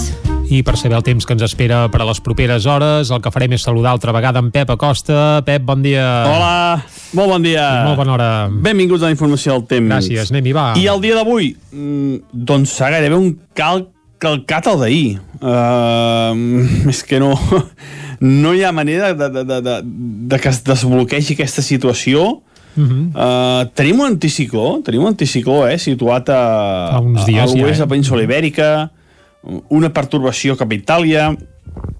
Nosaltres més o menys en, en terreny de ningú, però amb influència anticiclònica. I tot i així continuen aquests núvols. Uh, això és degut a que tenim aquesta circulació de vents de mar cap a terra i avui continuarà. Continuarà, uh, però sobretot, sobretot uh, més evident a la tarda a la tarda és més evident aquesta circulació uh, i, i no desapareixerà, no desapareixen aquests núvols, uh, no, i, i, és que, i és que ja no sé què dir, ja no sé què dir, perquè no tindrem allò un sol important en cap fase del dia. Uh, sí que a la tarda, um, sí que a la tarda el vent variarà una mica, Uh, ara s'entera una mica de mestral cap al Pirineu, una mica de, de tramuntana, però bueno, desapareixerà de seguida, i continuem amb aquest flux de, de vents de sud. Uh, és que mm, serà un dia com el d'ahir, una mica estrany, vaig tenir una mica mal de cap i tot, no sé si algú més va tenir mal de cap.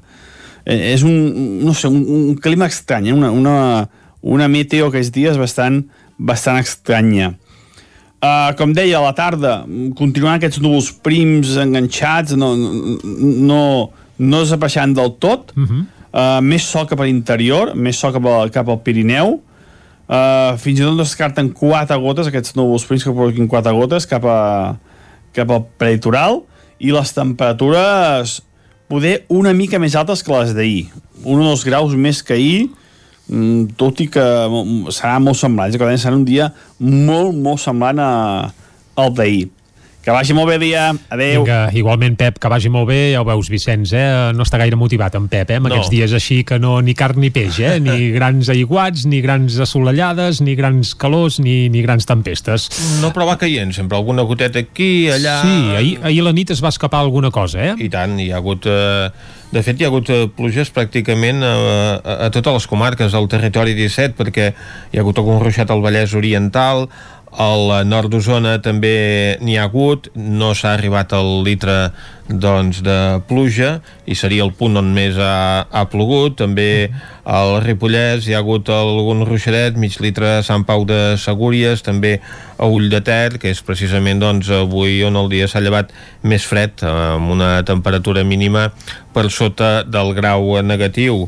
8 dècimes negatives també a Núria ja no ha glaçat el Puigdesolles amb 3 graus positius de mínima a Molló 4,8 a Planoles i a Caralps eh, 5 graus i 8 dècimes.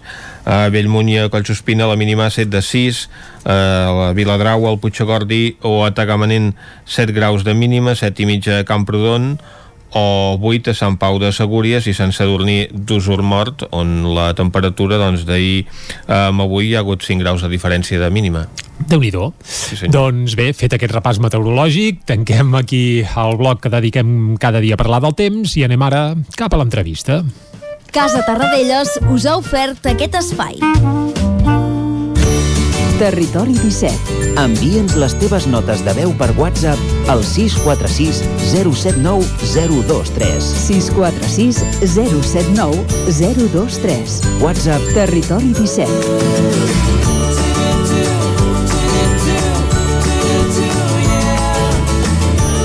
Territori 17.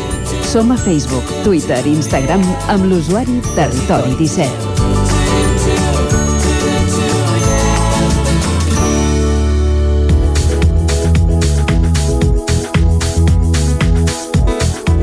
Ara mateix és un quart d'onze. Avui us parlarem de Cal Paler Nou. És un projecte de convivència col·lectiva en un edifici edificat en sol privat al municipi de Cardedeu. El projecte constarà d'un màxim de 39 habitatges, 9 dels quals seran de protecció oficial. El creixent interès de l'habitatge compartit al municipi ha permès que es consolidin com a grup impulsor d'un projecte amb 30 unitats de convivència i configurar una llista d'interessats que va superar les expectatives. Anem cap a Ràdio Cardedeu. Allà ens espera l'Òscar Muñoz. Bon dia, Òscar. Bon dia, Vicenç. Doncs avui parlem amb l'Àngel Estevez, coordinador de projectes i responsable de l'àrea de sostenibilitat del sostre cívic. Bon dia, Àngel. Hola, bon dia. Què tal? Molt bé. En primer de tot, explica'ns per què aquest projecte és pioner al país.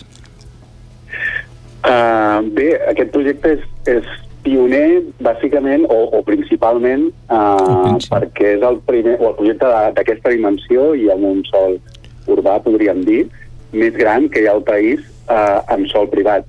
És a dir, eh, dels projectes que s'estan desenvolupant, podríem dir que Cal Paler és el projecte eh, amb més habitatges i, i més dimensió ara mateix.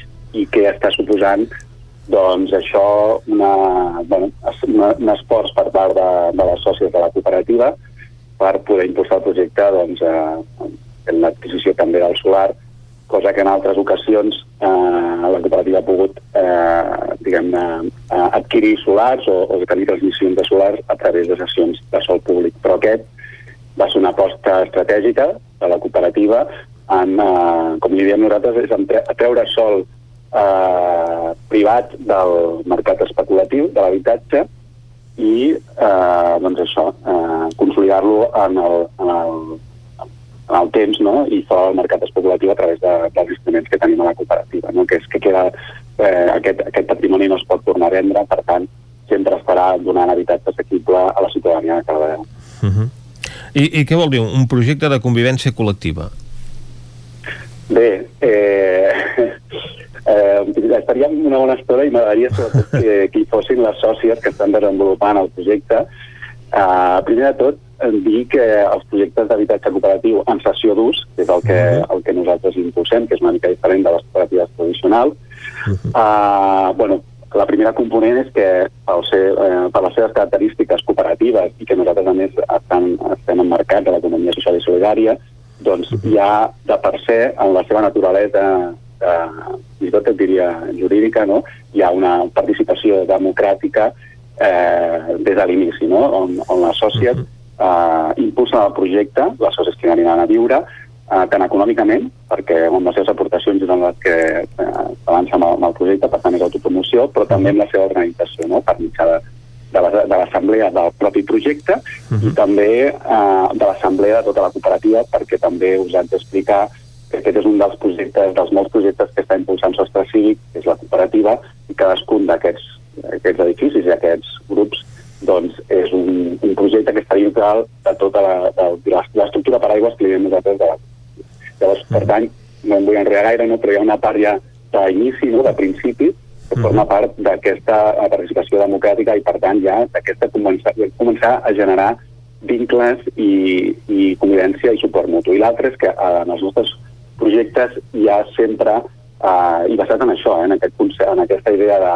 de tenir suport mutu i de, de treballar col·lectivament i col·laborativament, sempre hi ha una component important de, de- d'espais de, de, de, eh, compartits, no? d'espais col·lectius, que us dirien. Per tant, en tots els projectes, els projectes ja parteixen eh, d'un treball on el grup va avançant de manera eh, col·lectiva, per tant, generant aquesta convivència ja des de l'inici, en el disseny, podríem dir, i després aniran a viure en, una- en un edifici que comptarà amb una sala polivalent, amb, amb eh, habitacions de convidants, per exemple, per compartir, amb una sala que li deien, li deien la, la sala del silenci, no? que és una sala amb un parquet i tal, que també serà un espai compartit, és a dir, amb, amb, amb uns espais de trobada dins de l'edifici, també unes caceres i un, i una, un gran eh, corredor que li diem al carrer central, perquè té dimensió de carrer, de trobada també de, de les famílies dins del projecte, eh, que també seran espais, per tant, de, de convivència i on eh, hi haurà mo molta, eh, bueno, eh, molta, molt impuls des de,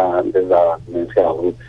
I tot això es genera, de fet, amb un treball ja, que és el que s'està fent, estem fent al llarg d'aquests anys, de, eh, podríem dir, de, d'empoderament del grup i de consolidació del, del grup en quant a, a això, amb una visió comuna per part de totes les sòcies, que serà una mica el marc mm. també de convivència eh, que es dotaran a aquest grup per, per després eh, anar a viure plegades.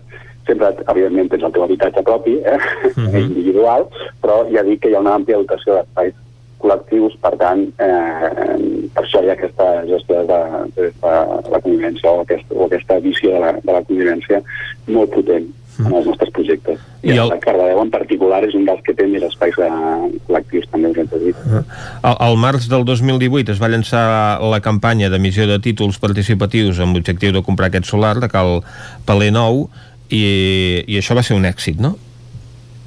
Sí, sí, sí, clar. Uh, bueno, des de que ens vam posar la fita de, de fer la compra d'aquest solar, que bueno, tenia, també tenen, té, unes, eh, té unes certes característiques especials, perquè és un projecte de, de desenvolupament urbà, per tant, fa el cas de fet és urbà no consolidat, encara cal fer un carrer, etc. Uh -huh. Però bueno, des de que vam iniciar eh, tot plegat, eh, bueno, clar, i havíem, havíem de fer la compra amb, amb un període molt curt, vam signar unes arres, vam començar a estudiar, a fer la, bueno, primer vam fer un primer anàlisi, després a partir de, de signar les arres amb, a- amb els anteriors propietaris, eh, vam fer un, un, un, procés d'impuls o, o de campanya de, de comunicació del projecte. Primer vam fer un estudi ja de, de, de, de l'equip d'arquitectura que després ha desenvolupat el projecte per veure quin projecte podríem tenir, per tant, perquè la gent pogués no, eh, no, tocar una mica, no, apamar com podria ser aquest projecte i que s'engresquessin i a partir d'aquí doncs, és quan la gent es va començar a, o vam fer aquesta campanya i vam tenir aquesta gran vista no, amb molta gent incorporada que són els que han de portar el capital, havien de portar el capital, i ho van fer, no?, social, que ens havia d'ajudar a fer la compra. Però, clar, estem parlant de 500.000 euros, pràcticament, i això ho havíem de fer en, en dos o tres mesos. Llavors, eh, també era una oportunitat, sí, necessitàvem també eh, altres aportacions, sinó un esforç molt, part, molt fort per part de, del grup que, que s'estava començant, que s'estava començant a gestar, necessitàvem aquests calés, no? Uh -huh. I vam pensar en fer uns títols participatius, per tant, que hi hagués una inversió per part de, de la ciutadania, de la gent eh, que vol donar suport a projectes com aquests, no? Uh -huh. i que més amb una alta rendibilitat també, perquè ara com està la cosa, que els bancs no donen res, doncs, bueno, el nostre projecte eh, sí que té una part d'interès interessant, doncs eh, vam fer aquesta campanya i que a més ens servia um, per explicar també el projecte i el que estem fent, no? I, i sí, sí, va ser un èxit. No sé, a un principi ens vam posar una fita de 300.000 euros i en qüestió de 20 dies ja vam tenir 451.000, que va ser la, el, el preu final, o sigui que pràcticament amb, amb el que vam tenir els títols vam poder adquirir eh, i el, el solar també. El que faltava, diguem, és la, la, les aportacions que van fer les sòcies que ja es van incorporar en aquell moment al projecte. Per tant, va ser un moment com molt, eh, molt intens no? i de, de molta feina i, i molt il·lusionant alhora, on per un costat hi havia les sòcies que s'estaven involucrant al projecte doncs ja posant-se a tope no? i fent les primeres aportacions de diners per la compra del solar i alhora tota aquesta campanya on ens vam sentir molt recolzades mm, per part del, del territori i, i de tota la cooperativa, de fet, també, arreu de, de Catalunya.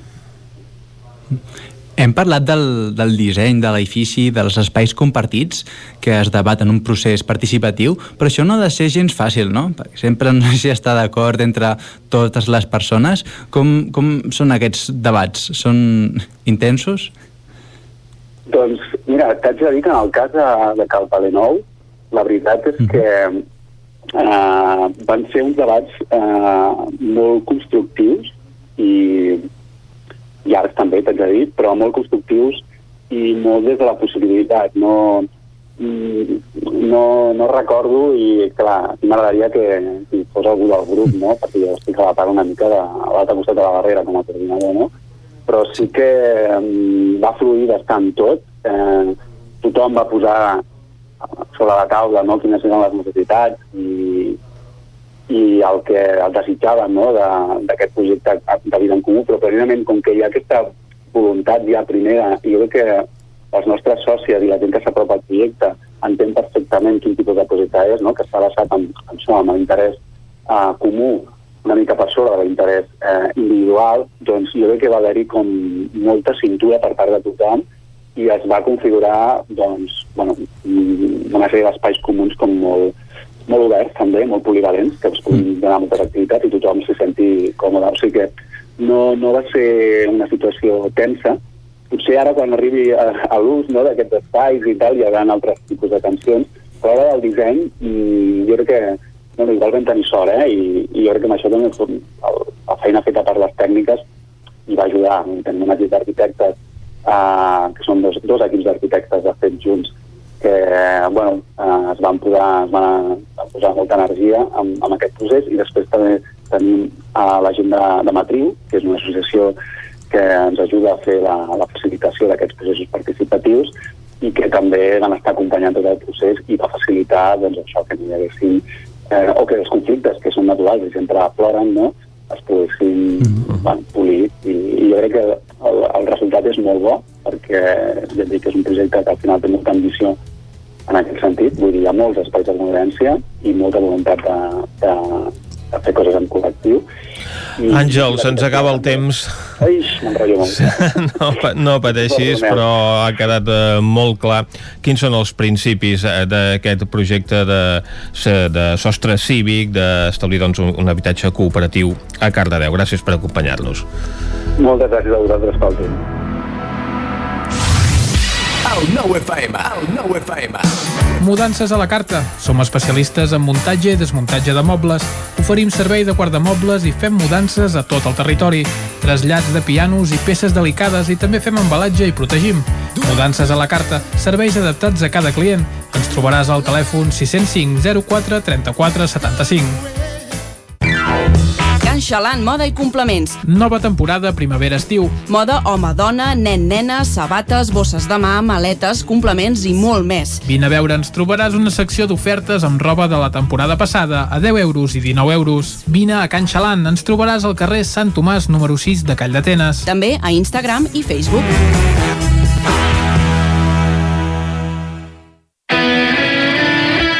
Armínia Pineda, tot en tèxtils per a la decoració. T'ajudem a aconseguir l'ambient que tu vulguis. Disposem d'un gran assortit de teles, coixins i roba mida per autocaravanes. Armínia Pineda, som al carrer de la Bòbila número 1 dels Hostalets de Balanya. Automòbils Pla de Vall. Som una empresa familiar amb 36 anys d'experiència en la compra-venda de cotxes nous, seminous i d'ocasió. Els nostres vehicles són completament revisats abans de la seva entrega al client, amb els manteniments al dia i amb garantia personalitzada. Finançament a mida del client. Vine a Automòbils Pla de Vall i t'assessorarem.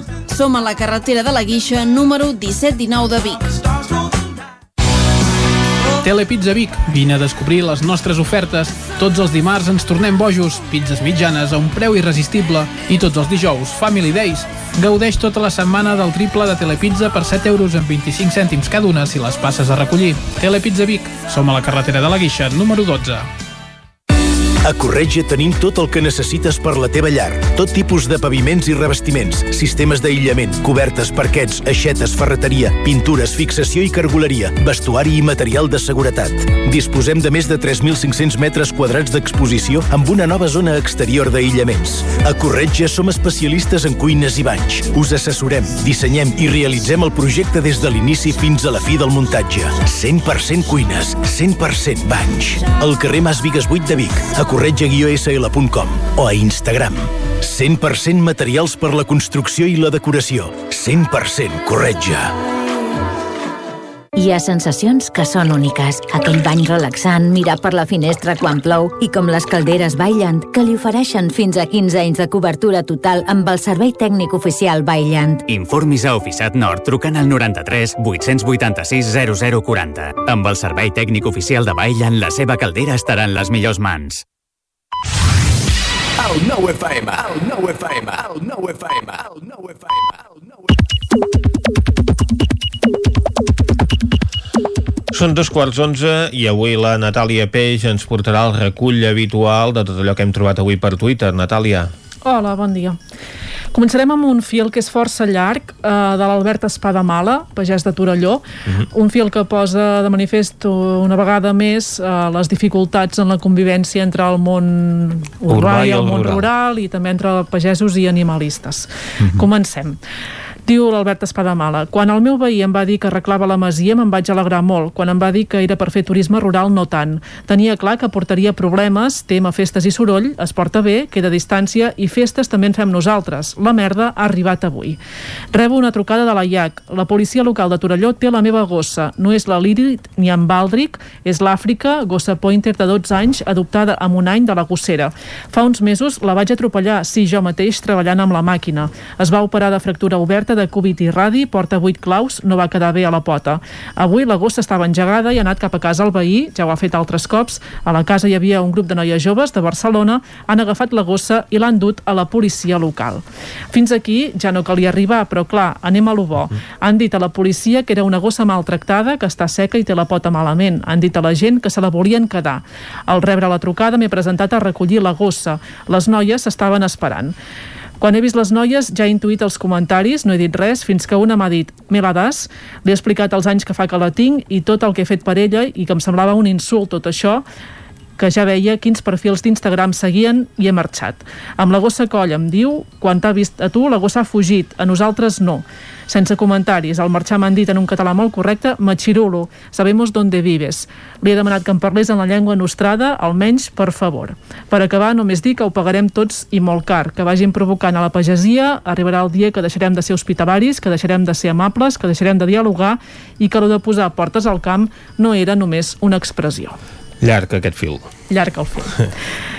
En Xavier Febrer, de Torelló, que és mestre, diu jo què voleu que us digui, si em deixen triar, ja tenia clar posar-me la segona dosi d'AstraZeneca. Si ho diu l'Oriol Mitjà, encara ho tinc més clar.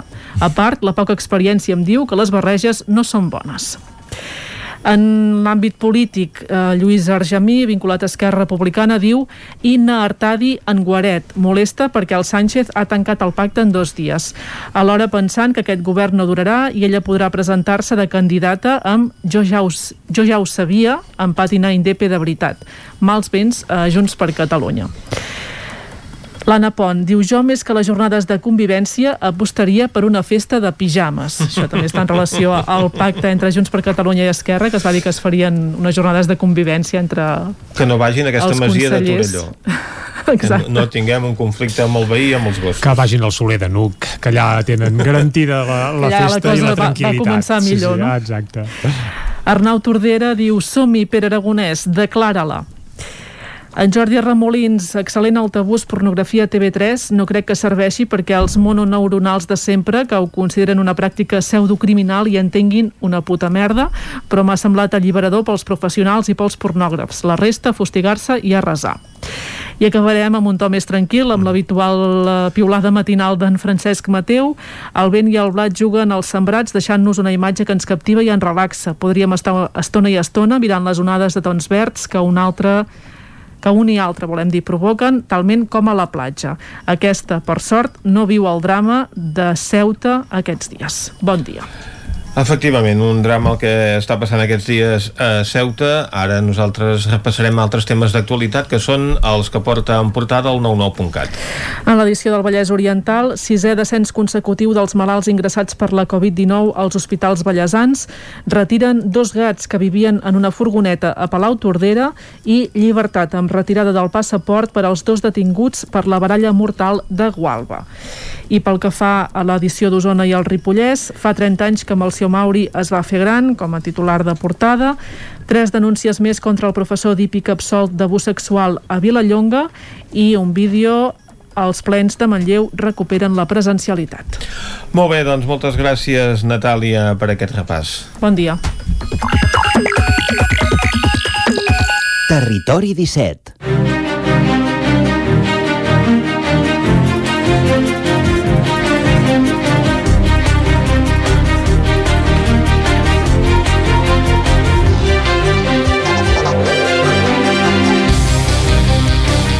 Arriba el moment de la taula de redacció al Territori 17, avui amb la companyia de l'Isaac Muntades i en Guillem Freixa.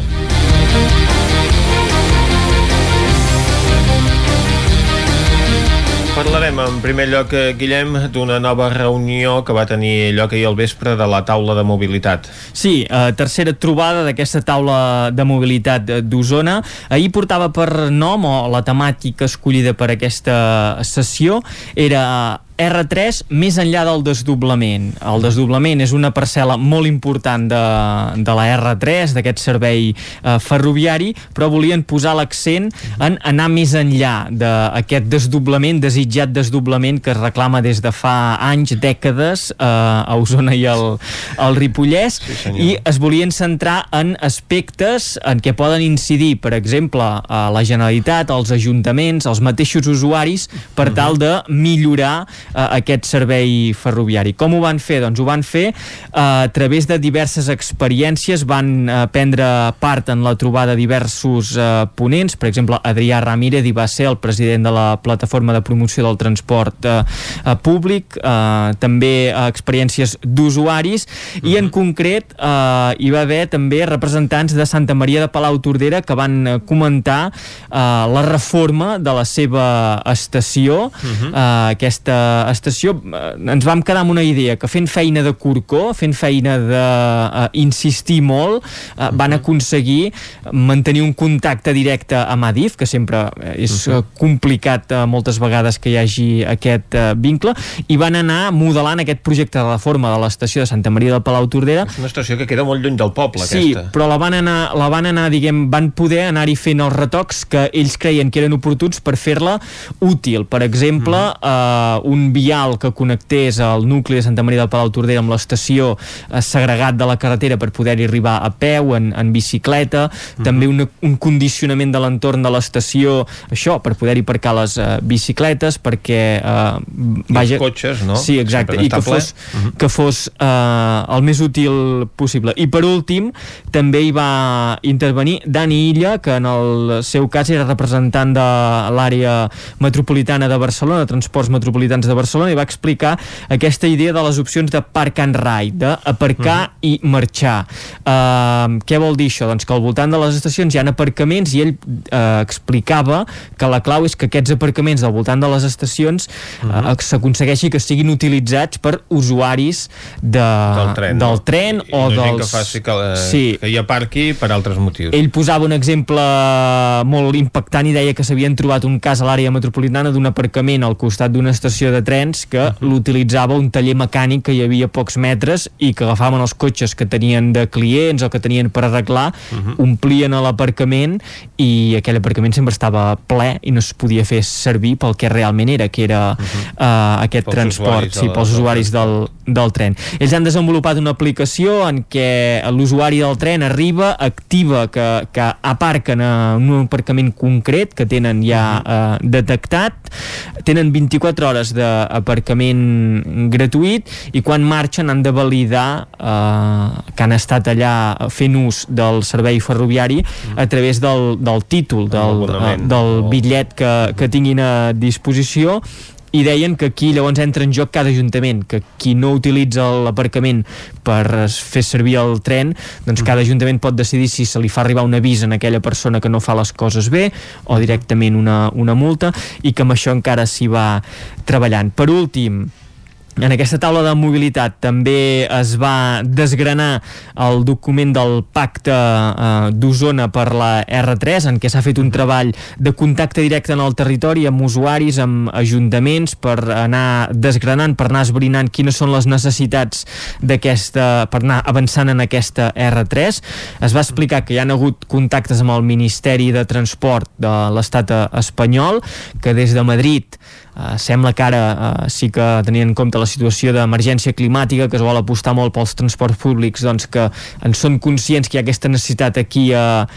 a, a Catalunya i en concret a Osona i al, al Ripollès de millorar la línia uh, ferroviària. També van posar l'accent en el fet del pla de Rodalies que ha desenvolupat uh, Pere, Pere Macias que ha sigut el, el coordinador d'aquest pla de, de Rodalies. I com a novetat eh, Josep Arimany, que és el representant, el delegat, diguem-ne, eh, màxim per, per dirigir aquesta, aquesta millora de la R3 o se- fer aquest seguiment de la, de la millora de la R3. Com està tot? Quan comencen les obres? No, va explicar...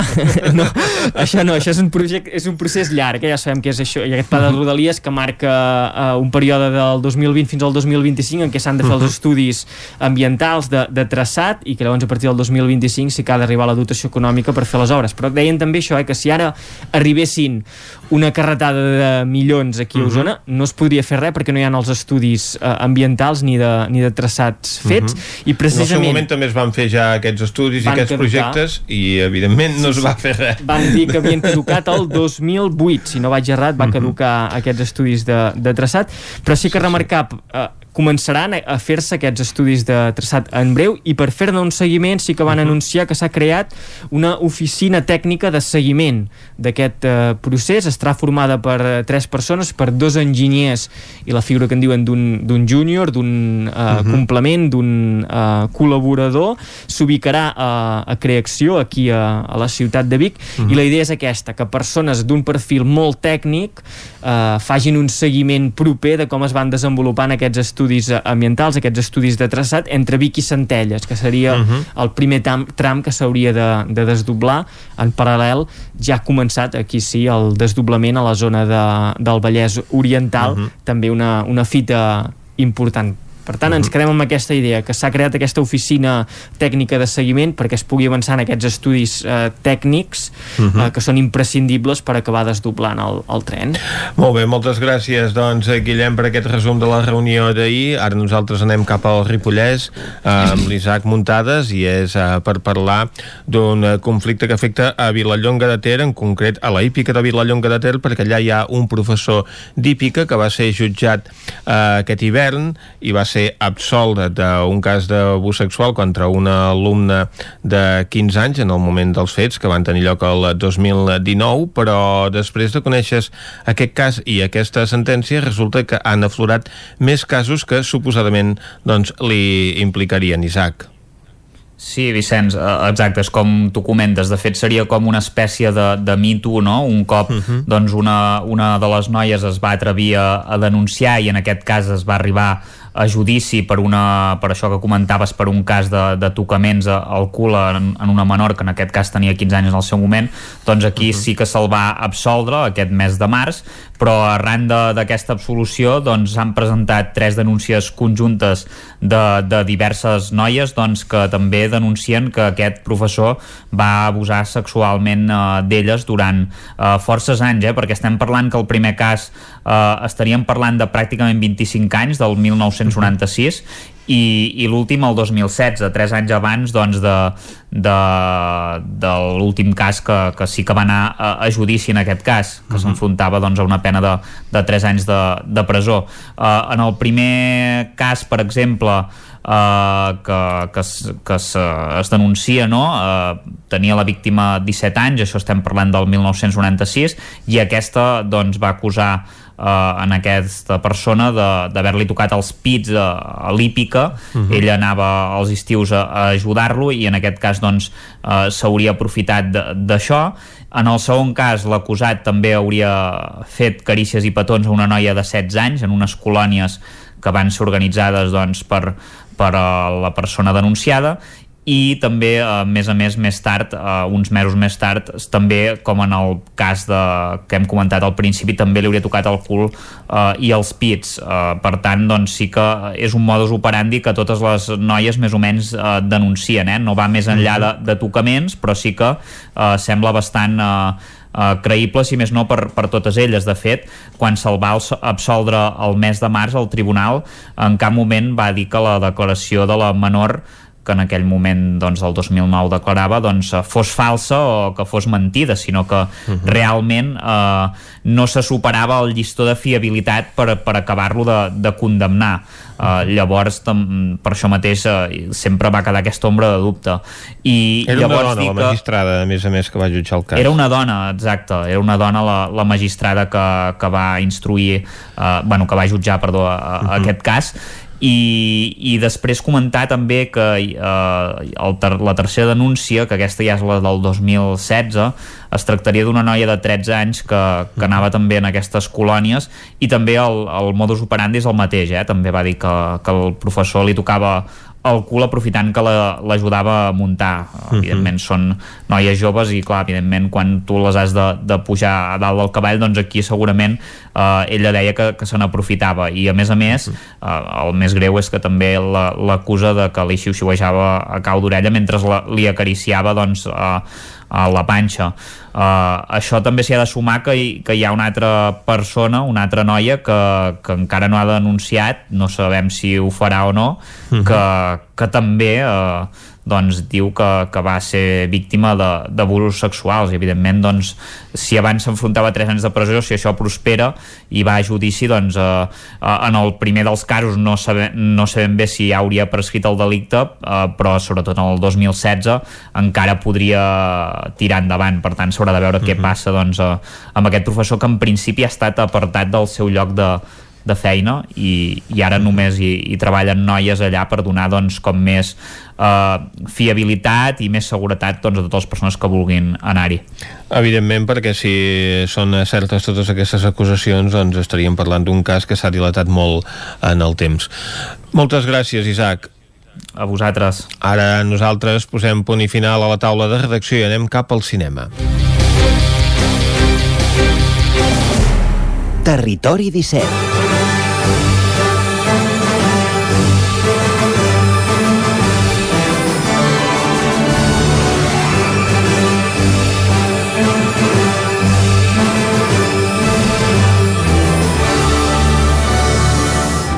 Doncs quan passen un parell de minuts de 3 quarts d'onze del matí, Vicenç, anem cap al cine, uh mhm. -huh. però no hi anem pas sols, com sempre, i anem Exacte. de la mà d'algú que hi entén força més que nosaltres, que és I la tant. Núria Lázaro.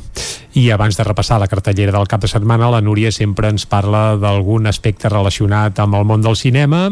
Uh, li demanem de què ens parla avui, sí? A veure, doncs, de què doncs, ens parlarà? Núria, de què ens parlaràs avui? Doncs avui parlarem de pel·lícules que van posar en perill real els seus protagonistes. Repassarem una col·lecció d'escenes en què la seguretat va fallar o no va existir, posant en perill la vida d'actors entregats a la causa. Carai. Ja sigui per un excés de confiança de l'intèrpret en qüestió o perquè algú de l'equip tècnic se li ha anat de les mans un efecte especial en concret, la seguretat en el cinema és un element tan fal·lible com la taquilla. Mhm. He recopilat algunes d'aquestes experiències properes a la mort que s'han viscut durant rodatges exigents. Caram.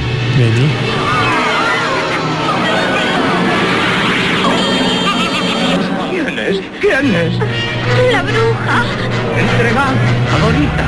Oh, Dorita, ¿quién es Dorita? El mago nos lo explicará. A ver al mago.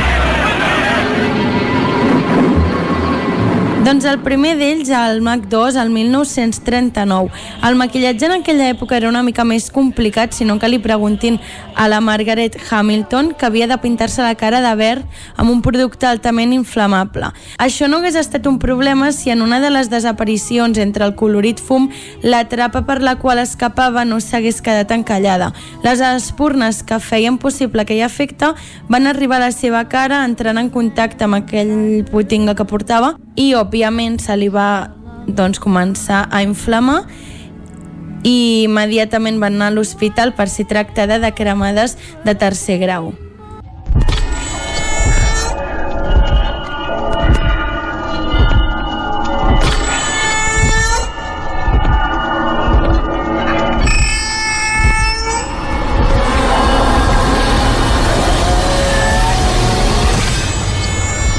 Doncs a la matança de Texas, el 1974, el recentment desaparegut Gunnar Hansen era una llegenda pels amants del terror per haver interpretat el Leatherface original.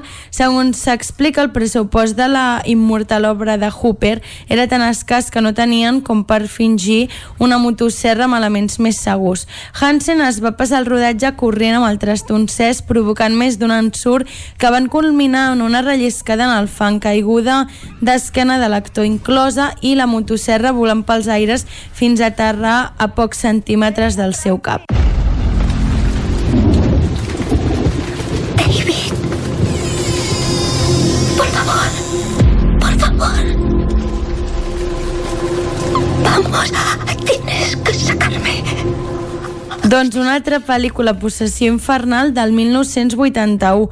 Els fans del gènere coneixen la complicitat d'aquest rodatge, fet per col·legues utilitzant els diners que tenien a la cartera i aprofitant qualsevol idea que se'ls passés pel cap per fer veure que allò era una pel·lícula. Per al plan al qual una entitat travessa el bosc i arriba fins al protagonista, la solució de Raimi Camel va ser que es fes sobre una moto, que es gravés amb una mà i es conduís amb l'altra. Així ho van fer i el crit que es veu és una de les poques coses reals de la pel·lícula, ja que va ser la reacció de l'actor del Bruce Campbell al veure que això no, no hi havia manera de frenar-ho, que anava a ser atropellat per una moto i que la càmera estava a punt d'acabar incrustada al seu cap. Es va lliurar pels pèls i va deixar una bona presa que va acabar en el tall final.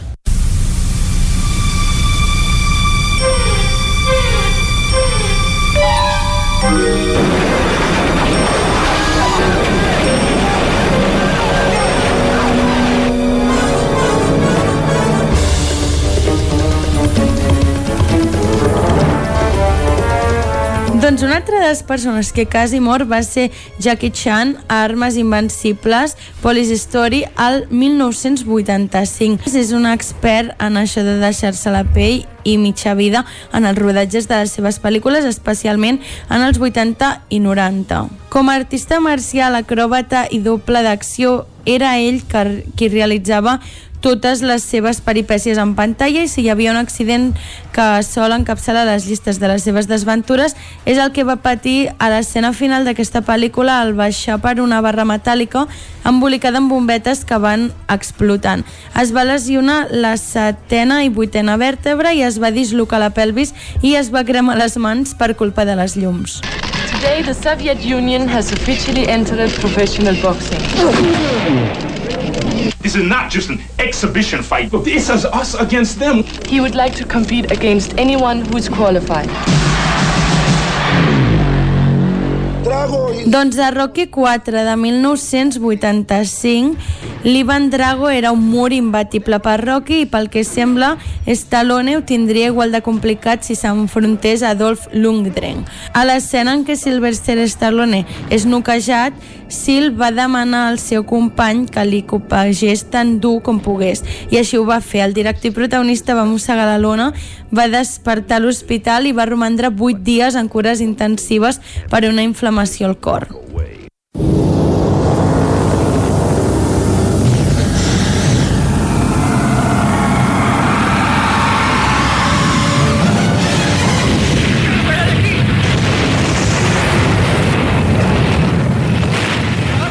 Al 89, a la pel·lícula d'Avis, Alet Harris. Pel que sabem ara, sembla que la història ha estat exagerada amb els anys. Sempre s'ha dit que en una escena on Harris havia de bussejar sense oxigen durant diversos metres, James Cameron va decidir amagar l'actor que realment no comptaria amb respiració de suport, aconseguint una reacció real de pànic. Segons expliquen en molts fòrums on es parla de l'assumpte, el que va passar realment és que la persona que Maite Takami li, li anava a proporcionar l'aire i Harris va entrar en pànic durant uns segons, el que va trigar l'especialista en adonar-se i acudir a la seva ajuda. Desde el salvaje oeste, entre nubes de polvo, se oyó el retumbar de cascos y un poderoso... ¡Por Júpiter! Esto sí que es fuerte. ¡Indios! Este verano... A Retorn al futur 3, a, a la pel·lícula de 1990, a, per aconseguir un efecte més realista, al penjar-lo de la forca, al McFly se li va acudir que el millor era treure la caixa que li servia de suport. El resultat va ser fantàstic, de no sé per què no va controlar el temps que es necessitava per rodar l'escena i va acabar perdent el coneixement realment. Vamos, salta. ¿Y vas a bajar por el río solo? No, voy con un par de amigos. ¡Estamos dando vueltas, güey! ¿Y tú con quién vas? Con mi madre. ¡Remad! ¡Fuerte! Es un río muy peligroso. Ella trabajaba de guía. Muy bien, hijo, vamos. Hola. No parecía de... A Riu Salvatge del 94, la Meryl Streep, el rodatge d'aquesta pel·lícula va incloure esgotadores sessions de rafting pel riu i un dels dies en què l'equip sense estava esgotat el director va demanar una nova presa i Meryl Streep li va advertir que no podia més. A la primera embestida de l'aigua, Streep va caure de la barca i després de l'ensurt inicial, Kevin Bacon va aconseguir agafar el braç de l'actriu. Segons expliquen, després d'entrar en calor es va dirigir al realitzador i li va comentar la propera vegada que et digui que no puc fer alguna cosa, crec que m'hauries de creure.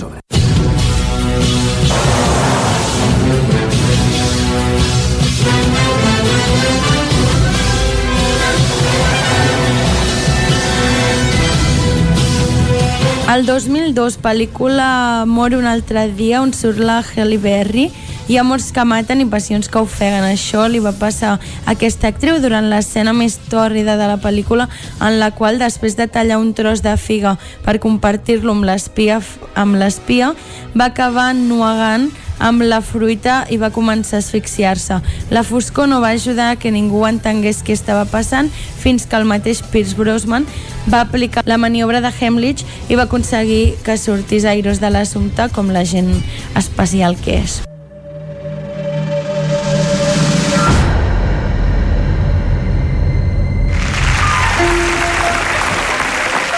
El 2002, a Gangs of New York, el Daniel Days-Levis. Els perills de ser un actor de mètode van portar a l'oscaritzat actor a patir una complicada pneumònia. El problema va arribar a envestir la roba de l'època negant-se a portar els protectors interns amb els que la resta de, del repartiment suportaven el fred. Una vegada que va emmalaltir va intentar superar-se sense utilitzar medicaments com hagués fet el seu personatge, però es va rendir quan a l'hospital li van dir que si seguien els seus 13 era bastant probable que morís a- al plató. Acérquense, porque cuanto más cerca estén, más fácil será engañarles. Damas y caballeros, Como número final, vamos a robar un banco. El 2013, la Ila Fisher a Ara en veus. A la pel·lícula hi ha una escena on l'actriu està encadenada dins d'un tanc d'aigua que ha d'escapar, d'on ha d'escapar per art de màgia. Tots van pensar que estava actuant de meravella, però segons explica l'actriu, la cadena s'havia encallat i s'estava ofegant de veritat. Va aconseguir arribar a l'interruptor d'emergència que va alertar l'especialista encarregat de treure la intèrpret immediatament. Lo que os voy a contar os parecerá una locura. Pero tenéis que escucharme. Vuestras vidas dependen de ello.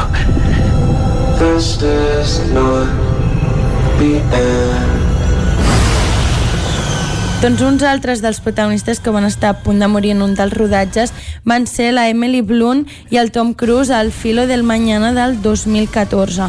Tots sabem que a Cruise li agrada fer les seves escenes d'acció, cosa que acaba contagiant a la resta del repartiment.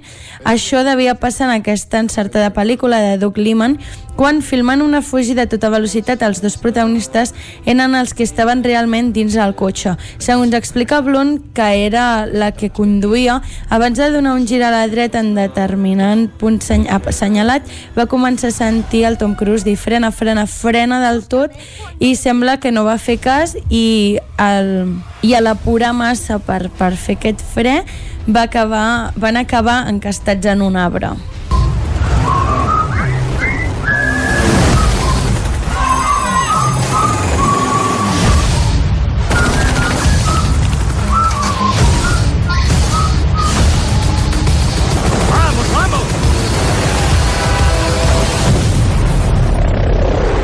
Es genial tenerte de vuelta. No podría estar en mejor lugar. I per acabar, l'últim d'aquests protagonistes que quasi acaba en desgràcia va ser el Jason Statham, Els Mercenaris 3, una pel·lícula del 2014. A l'anglès també és dels que gaudeix apuntant-se a les seves escenes de risc, el que l'ha obligat a patir algun que altre accident durant el rodatge de la tercera part de les aventures dels vells tipus d'ús de ciència ficció de, de ciència d'acció, els frens del camió que conduïa van fallar, obligant a l'actor a saltar en marxa per no esfonsar-se al mar amb el vehicle defectuós. No t'ho perdis. Estrenes de la setmana.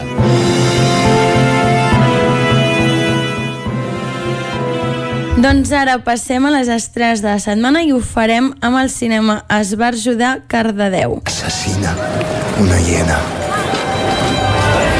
Una bestia humana. Han estos días por Barcelona alarmantes rumores respecto a la desaparición misteriosa de buen número. Comencem amb aquesta, La vampira de Barcelona. S'estrena avui dijous 20 de maig dins del cicle Gaudí en una sessió a les 8 de la tarda. Una pel·lícula de Lluís Danés amb la Nora Navas i el Roger Casamajor com a protagonistes. A Barcelona, a principis del segle XX, la desaparició de la Teresa Guitar, filla d'una rica família, commociona el país. La policia aviat troba una sospitosa, l'Enriqueta Martí, coneguda com la vampira del Raval. Llavors el periodista Sebastià Comas es submergeix als carrers, als bordells i als secrets del barri del Raval, on sap que es troba la veritat.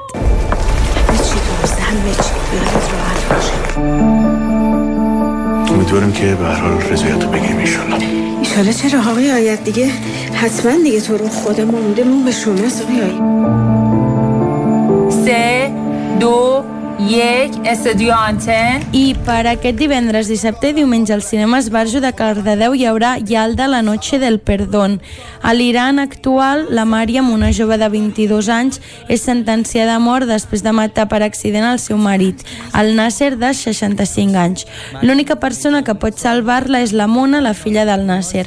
Per això només ha d'acudir a un conegut programa de televisió i perdonar en directe a la Mària. Però costa perdonar quan amb dues es veuen obligades a reviure el passat.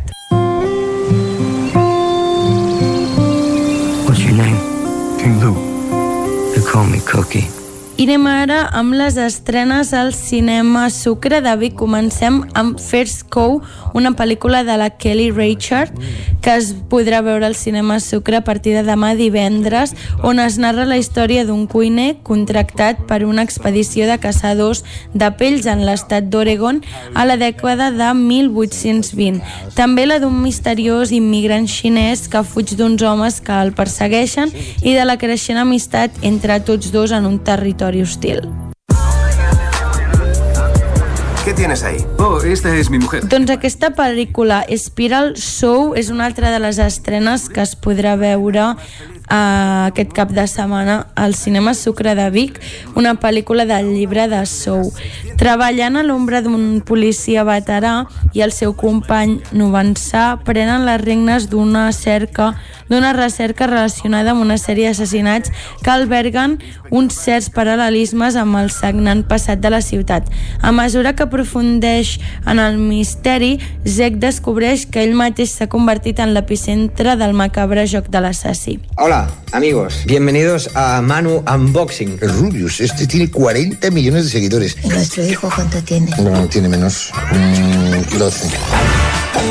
Que el unboxing ese era una mierda. Hay que elegir un tema. Poliamor para principiantes, una comèdia del Fernando Colomo que s'estrenarà demà divendres al cinema Sucre de Vic. El Satur i la Tina són un matrimoni en el qual ella aporta els diners i ell s'ocupa de la casa i el nen. El problema és que el nen, el Manu, té ja 28 anys i és un mediocre youtuber. Satur convertirà el seu fill en el Ranger de l'amor, un reeixit youtuber emmascarat defensor de l'amor romàntic que s'enamora perdudament de l'Amanda. El que el Manu no sap és que l'Amanda és poliamorosa i té relacions amb la Marta i l'Esteban, una acomodada parella de metges amb dos fills, i també amb la Clàudia, una noia trans que treballa en el món de la moda, i amb l'Àlex, monitor de paracaigudisme i model catxes. Desde el principio me di cuenta de que yo no veía el mundo como los demás.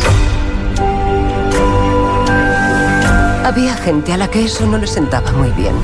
I per acabar us parlo d'aquesta pel·lícula. La pel·lícula de Cruella n'hem parlat moltes vegades, no se sabia quan seria la data d'estrena aquí a Espanya i serà divendres vinent 28, una pel·lícula amb la Emma Stone com a protagonista fent de Cruella de Vil i és una pel·lícula doncs això centrada en el personatge de Cruella de Vil de la pel·lícula d'animació clàssica de Disney 101 Dàlmates de la que en parlarem la setmana vinent.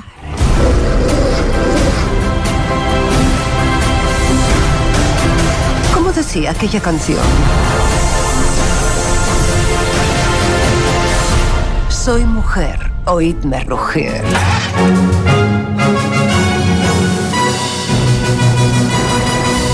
I quan són les 11 i 4 minuts i mig del matí, aparquem el cinema i tornem a l'actualitat, l'actualitat de les nostres comarques, les comarques del Ripollès, Osona, el Moianès i el Vallès Oriental. Territori 17, amb Vicenç Vigues i Jordi Sunyer. Thank you.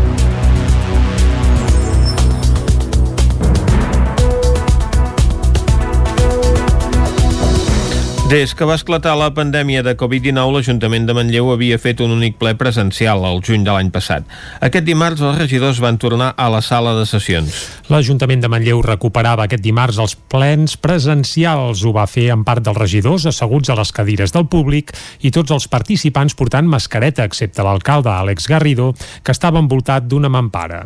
Un dels debats de la sessió va girar al voltant d'una modificació de crèdit relativa a l'habitatge. El PSC es va abstenir i la CUP hi va votar en contra. Els primers crítics amb què es destinin 5.000 euros a una escultura que recordarà els pisos de Can Garcia quan a Manlleu hi ha famílies en situació de vulnerabili- vulnerabilitat, ja ho direm bé, residencial i des de la CUP van votar-hi en contra perquè consideren que la regidora d'habitatge està infradotada econòmicament. El regidor de l'àrea, Rafa Cuenca, assegurava que s'està treballant per posar en marxa l'oficina d'habitatge. Escoltem, per aquest ordre, Antoni Poyato, del PSC, Mayra Costa, de la CUP, i Rafa Cuenca, regidor d'habitatge. del pressupost per habitatge, que són 50.000 euros, que ja és un, un pressupost bastant reduït, destinar-ne el 10% a la compra d'una estàtua, amb els temps que corren, no em sembla adequat. A partir del 9 d'agost no hi haurà més moratòria de desnonaments. Segurament l'Ajuntament ja és molt conscient a través dels serveis socials que tindrà una llau de desnonaments i de problemes d'habitatge per resoldre. Estem impulsant l'oficina més lentament del que, del que ens agradaria, sí, és veritat, i que en breu doncs, es duguin a terme aquestes contractacions que permetran doncs, tenir aquest servei d'habitatge eh, a Manlleu. Al torn de pregs i preguntes, Marta Moreta, del PSC, va lamentar les queixes de ciutadans que han patit robatoris, explicant que quan van a la policia local per posar la denúncia no poden tramitar-la per manca d'agents. El regidor de Seguretat Ciutadana, Arnau Rovira, va dir que entomava la crítica i que estudiarien si es revisa el protocol per instaurar, per exemple, la concertació de cites per posar denúncies. També va explicar que s'està incentivant la formació dels agents perquè puguin desenvolupar tasques com aquesta. El Mercat Municipal de Cardedeu ja té botiga online. Des del passat divendres es pot encarregar la compra a sis de les parades al mercat a través d'una plataforma d'internet i sol·licitar que et portin la compra a casa. David Auladell, de Ràdio Televisió Cardedeu. El Mercat Municipal de Cardedeu ha posat en marxa una plataforma per venda a través d'internet, una botiga virtual que té per objectiu facilitar la compra i la distribució de productes de proximitat. La botiga online ofereix els mateixos productes que es venen a les parades, amb una passarel·la de pagament i serveis com Visum o PayPal. De moment ja són sis les parades que ofereixen els seus productes a través de la botiga virtual. L'Ajuntament de Cardedeu ha engegat el projecte del mercat online amb tres objectius clars. Ramon Arribas, regidor de Desenvolupament Econòmic Local. Anem a buscar una franja de, de públic que té dificultats de venir al mercat sigui perquè treballen tots els membres de la unitat familiar i per horaris no arriben, perquè els hi queda lluny al mercat. Això pot implicar també un augment de vendes també als professionals que treballen al mercat. Segona, eh, aquesta és una pràctica que ho estan fent les grans superfícies. Les grans superfícies no estan en aquest moment en capitals ni amb gent de Cardedeu. Per tant, és oferir als comerciants de Cardedeu poder jugar la mateixa partida, la mateixa lliga que d'altres eh, perquè aquest és un hàbit de compra que està augmentant.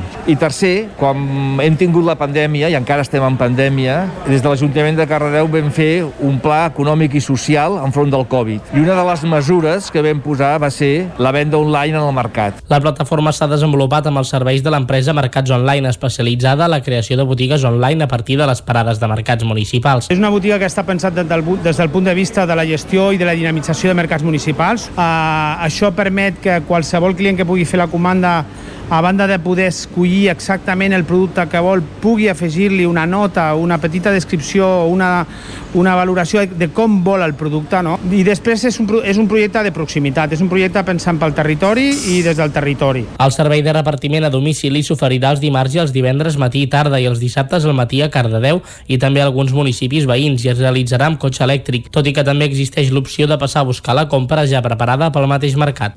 Un estudi on ha participat l'Ajuntament de Caldes de Montbui demostra que els programes de mentoria tenen un impacte positiu. Caral Campàs, des d'Ona Codinenca. L'estudi Applying Mentoring ha analitzat els efectes de la mentoria social per les persones migrades i refugiades. En aquest estudi, dut a terme per investigadors de cinc universitats de l'estat espanyol i liderat per la Universitat de Girona, hi van participar diversos projectes de mentoria, entre els quals hi constava el projecte de Caldes de Montbui.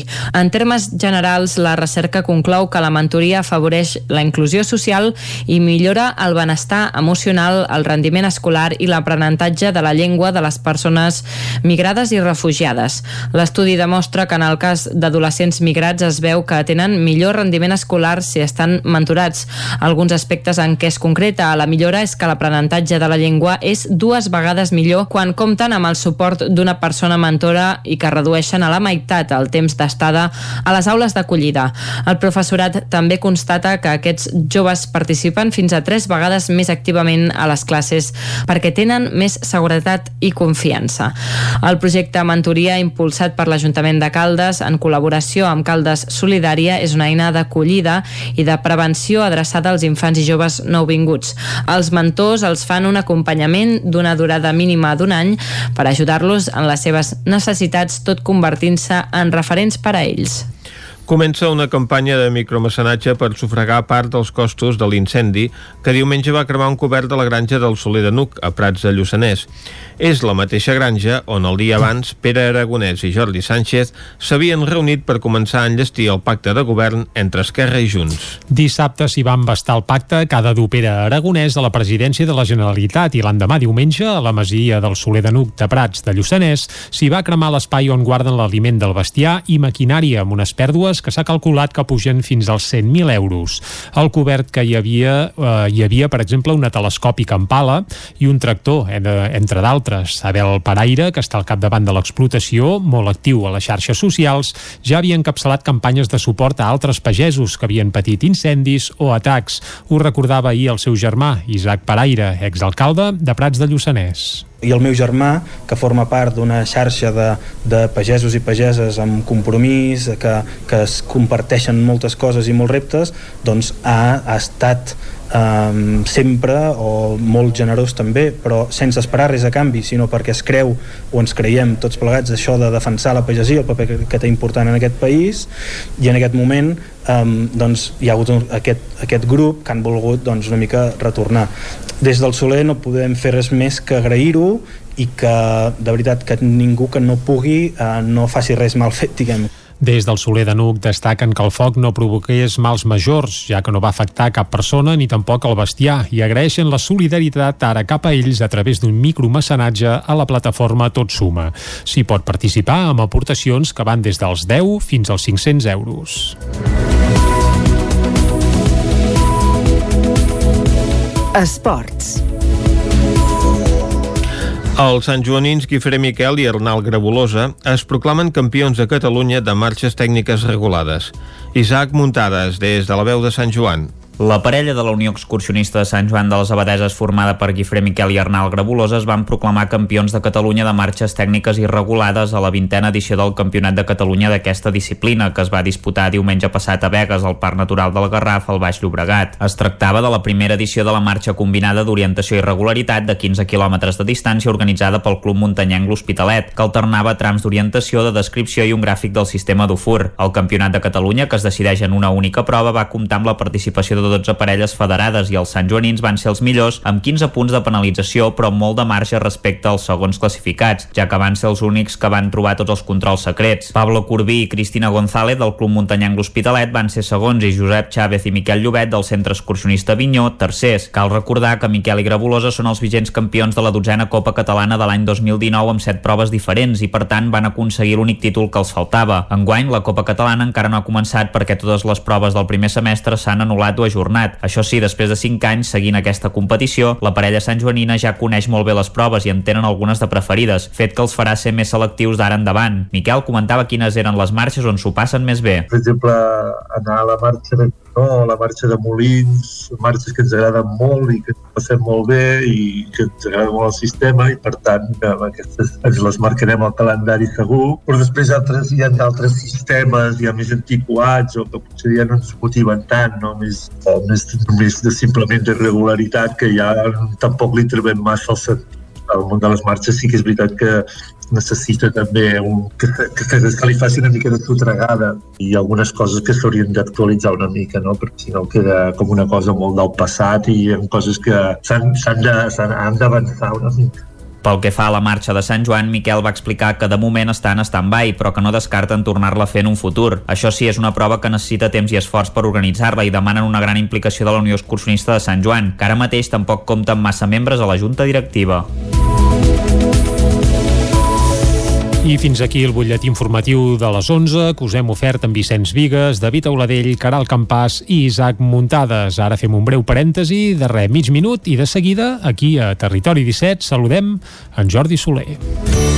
Territori 17. Envia'ns les teves notes de veu per WhatsApp al 646 079 023. 646 079 023. WhatsApp Territori 17.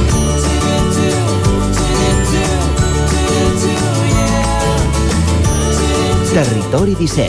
Som a Facebook, Twitter i Instagram amb l'usuari Territori 17.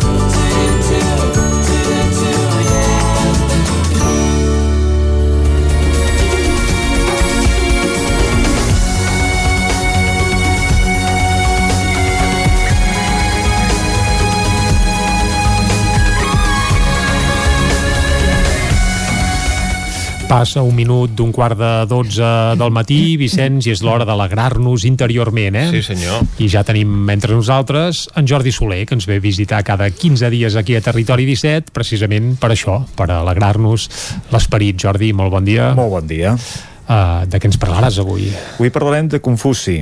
Confuci. Carai, Confuci. El, el personatge, diguem, eh? l'home. el filòsof xinès, eh? Mm. nascut al segle VI abans de, abans de Cris, vull dir que parlem... Sí, té, té una edat ja, per tant, bé, una edat ja no, perquè ja no hi és, però vaja, sí, sí, ja ens entenem. Vejam, quina relació té Confusi amb la programació neurolingüística, demanaràs tu, no? Per exemple, i més tenint en compte que, que és un xicot que va viure fa molts i molts segles. A aquella època no se'n parlava de programació neurolingüística, ni de PNL, ni de res d'això. El, el, el cas és que amb la PNL el que fem és modelar, agafar bons models. Confuci és un molt bon model, evidentment. Vull dir que mm. la, la seva, les, les seves ensenyances, la seva filosofia ha perdurat ha perdurat eh, més de 2.000 anys, vull dir que s'està aplicant. Per tant, crec que és un bon referent. Crec que valdria la pena parar i modelar. Ja sabem que modelar eh, en PNL és agafar la persona i observar-la no? i observar què la diferencia en aquest cas respecte a Confuci això és complicat però sí que podem modelar una mica el seu missatge, el seu llegat eh? la intenció que s'entreveu en aquest, en aquest contingut compost per molts aforismes, per moltes frases molt sàvies, mm -hmm. i que d'alguna manera doncs, ha exercit una gran influència eh, sobretot a la part de l'Àsia Oriental, eh, a la Xina. Hem fet un viatge cap a l'Àfrica amb l'Ubuntu, hem fet un viatge cap al Japó amb l'Ikigai, amb el Kyudo, eh, un viatge cap a, cap a Nord-Amèrica amb aquell conte de l'avi Cherokee amb el seu net. Avui fem un viatge a la Xina. doncs va, anem cap a la Xina. Avui anem a la Xina.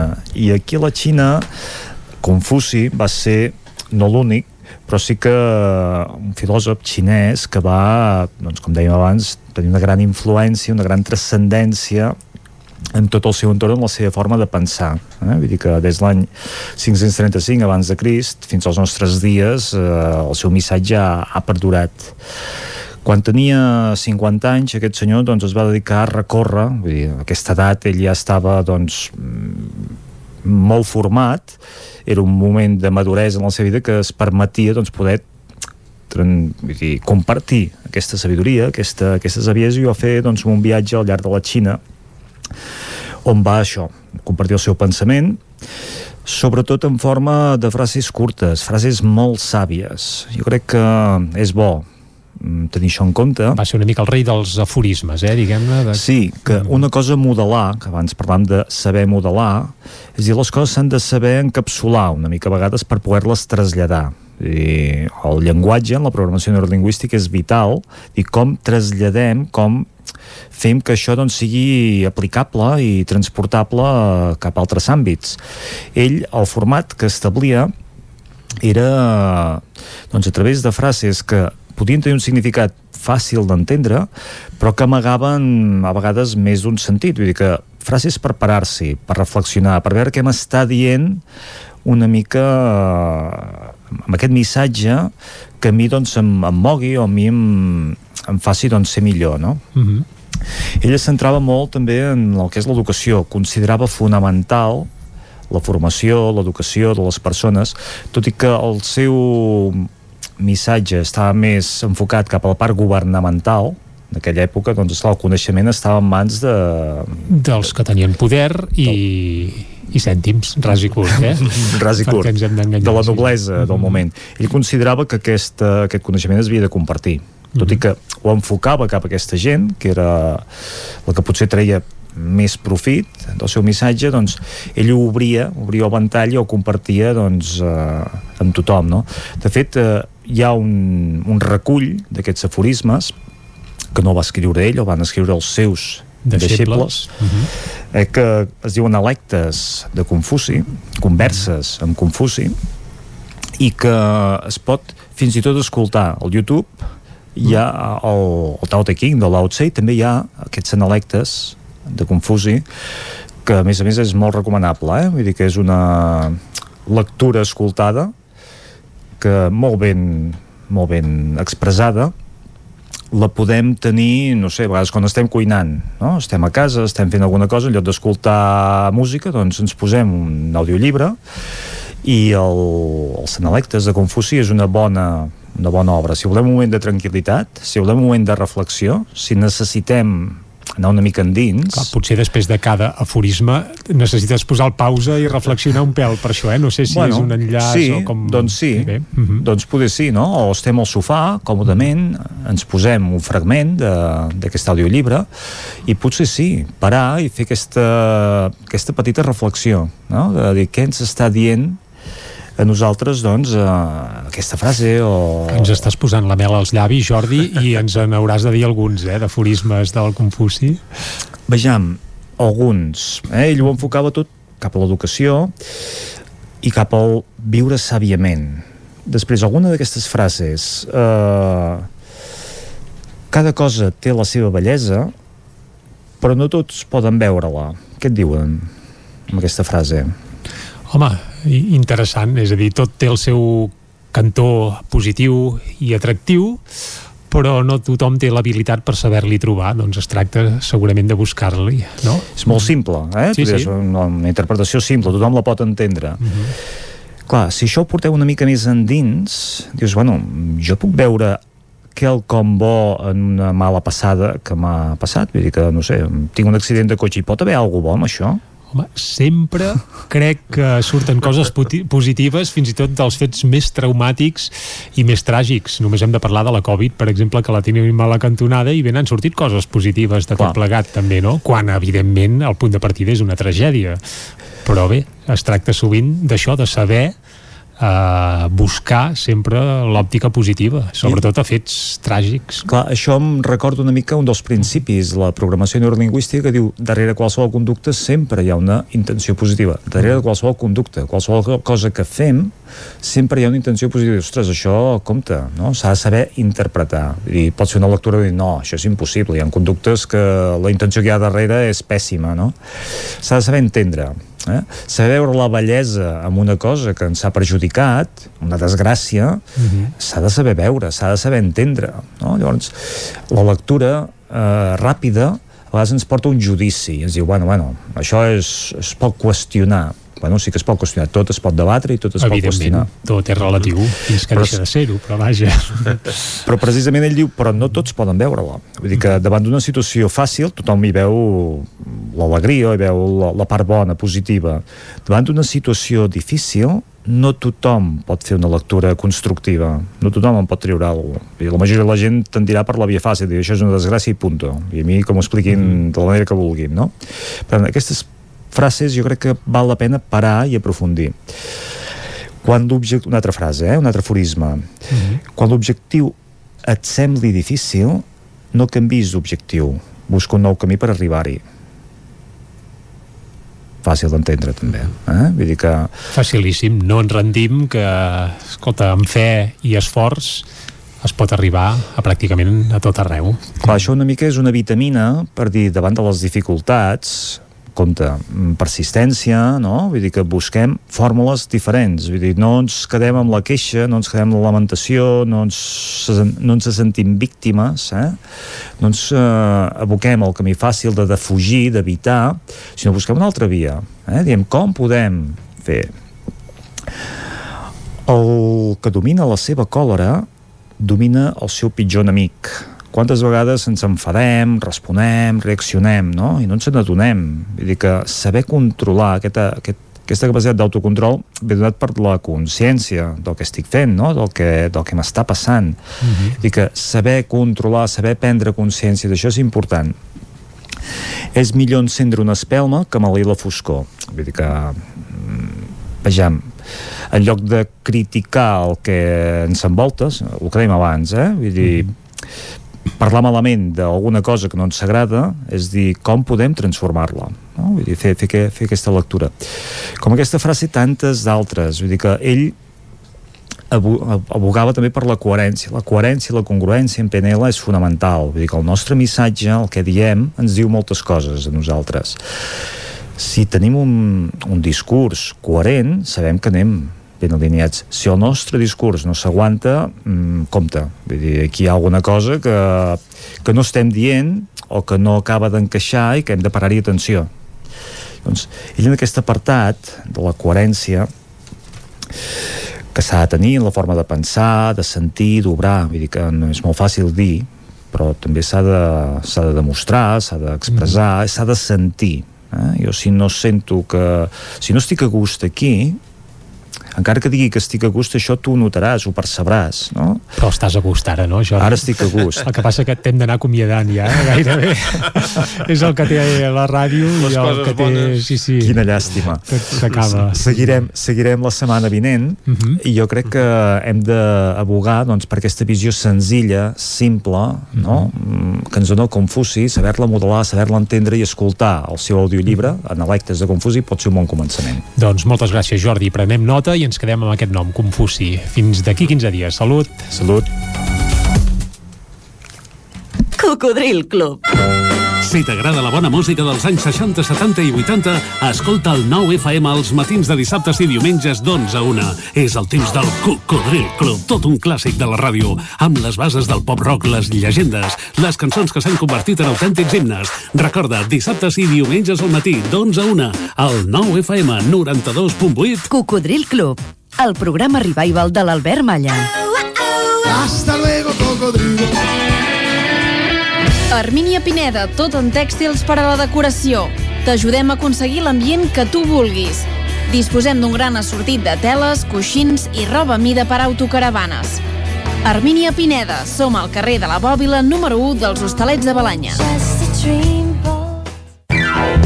Can Xalant, moda i complements. Nova temporada primavera-estiu. Moda home-dona, nen-nena, sabates, bosses de mà, maletes, complements i molt més. Vine a veure, ens trobaràs una secció d'ofertes amb roba de la temporada passada a 10 euros i 19 euros. Vine a Can Xalant, ens trobaràs al carrer Sant Tomàs número 6 de Call d'Atenes. També a Instagram i Facebook.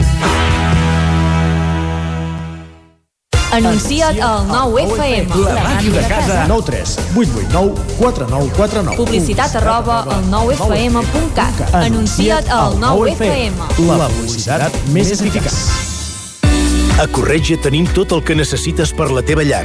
Tot tipus de paviments i revestiments, sistemes d'aïllament, cobertes, parquets, aixetes, ferreteria, pintures, fixació i cargoleria, vestuari i material de seguretat. Disposem de més de 3.500 metres quadrats d'exposició amb una nova zona exterior d'aïllaments. A Corretja som especialistes en cuines i banys. Us assessorem, dissenyem i realitzem el projecte des de l'inici fins a la fi del muntatge. 100% cuines, 100% banys. Al carrer Mas Vigues 8 de Vic, a corretja-sl.com o a Instagram. 100% materials per la construcció i la decoració. 100% corretja. Hi ha sensacions que són úniques. Aquell bany relaxant, mirar per la finestra quan plou i com les calderes Bailand, que li ofereixen fins a 15 anys de cobertura total amb el servei tècnic oficial Bailand. Informis a Oficiat Nord trucant al 93 886 0040. Amb el servei tècnic oficial de Bailand, la seva caldera estarà en les millors mans. Automòbils Pla de Vall. Som una empresa familiar amb 36 anys d'experiència en la compra-venda de cotxes nous, seminous i d'ocasió. Els nostres vehicles són completament revisats abans de la seva entrega al client, amb els manteniments al dia i amb garantia personalitzada. Finançament a mida del client. Vine a Automòbils Pla de Vall i t'assessorarem. Som a la carretera de la Guixa, número 1719 de Vic. El 9 FM, el 9 FM, el 9 FM, el 9 FM, el 9 FM.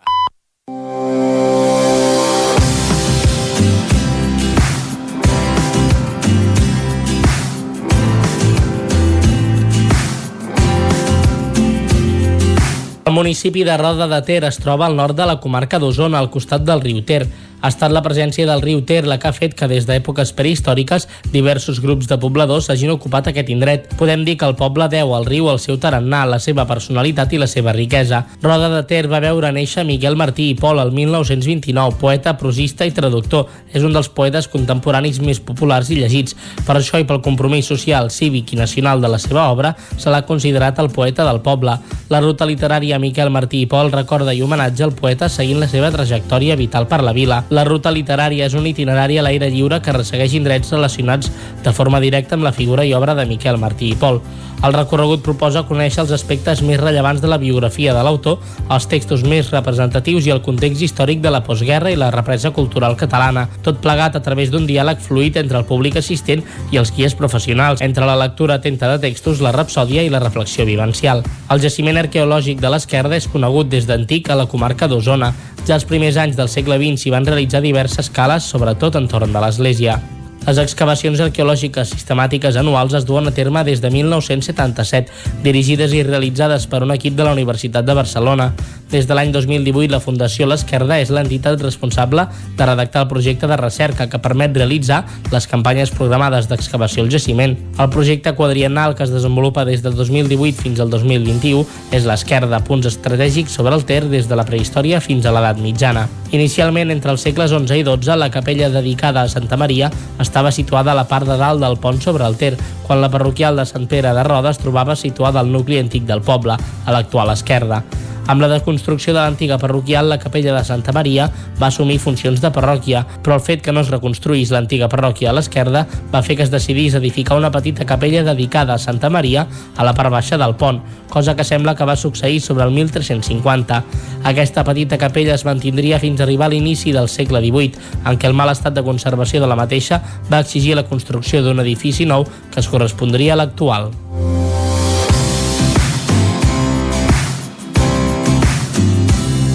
Territori 17 A Trenc d'Alba, edició pandèmia. Ara sense els usuaris que ens explicaven les seves desgràcies a la R3, però amb els mateixos retards i problemes de sempre.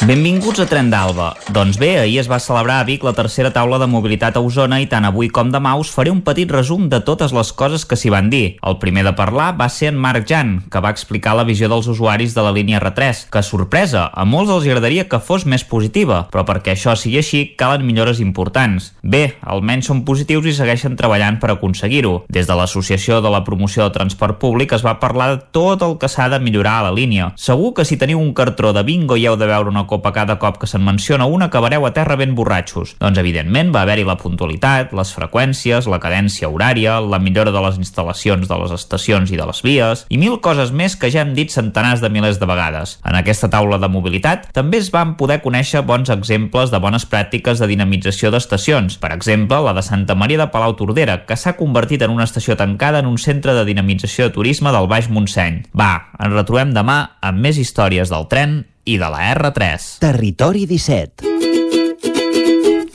El racó de pensar. A Territori 17 Doncs quan passen 4 minuts de dos quarts de 12, Vicenç, hem passat per Roda de Ter, el Descobrint Sí, senyor. Catalunya, hem No anat a la gaire gran, R3... Roda de Ter. No. Com- com- com a terme municipal. Sí, exacte, com a terme és petitot, bé, dels més petits d'Osona, tot i que crec que Sant Hipòlit el supera. I tant. Uh, però vaja, això seria un senyor. altre tema. Ara ens Sí, toca sí. per això anar Dos al rec- municipis petits, però que, que tenen petits molta però ben feina. parits, ja Ara, podem sí, dir, ras i curts, ja home, sí. Uh, però ara ens toca parlar del racó de pensar, eh? I el racó de pensar ens hi espera cada setmana la Maria López. La saludem. Oh, i tant. Doncs bon dia, vinga. Maria.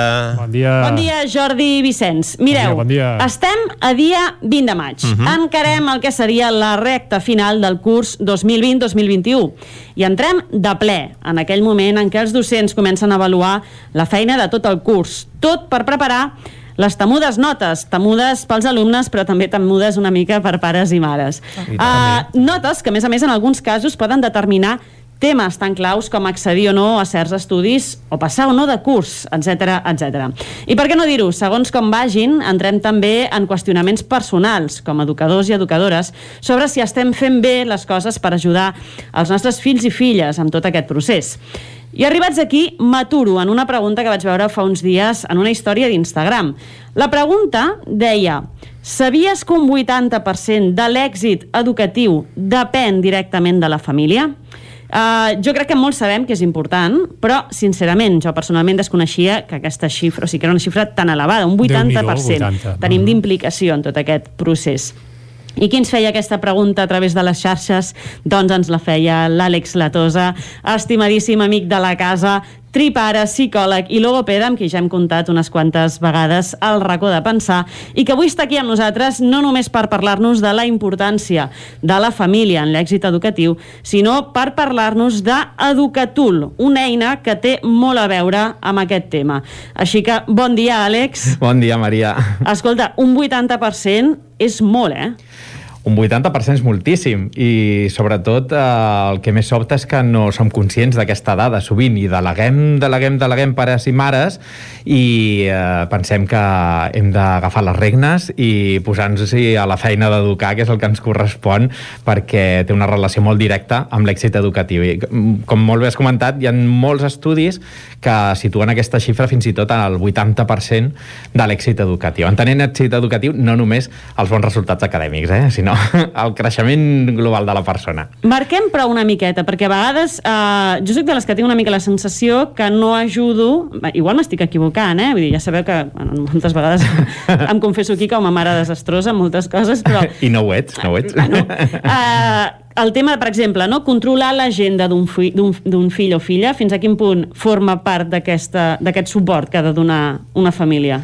Bueno, el fet de controlar l'agenda o no controlar l'agenda, més que controlar l'agenda, ser-hi present per acompanyar. És a dir, la feina eh, d'educar és sobretot d'acompanyament, més que no pas de control, perquè eh, també has d'establir de, de, el control i els límits, però també el suport.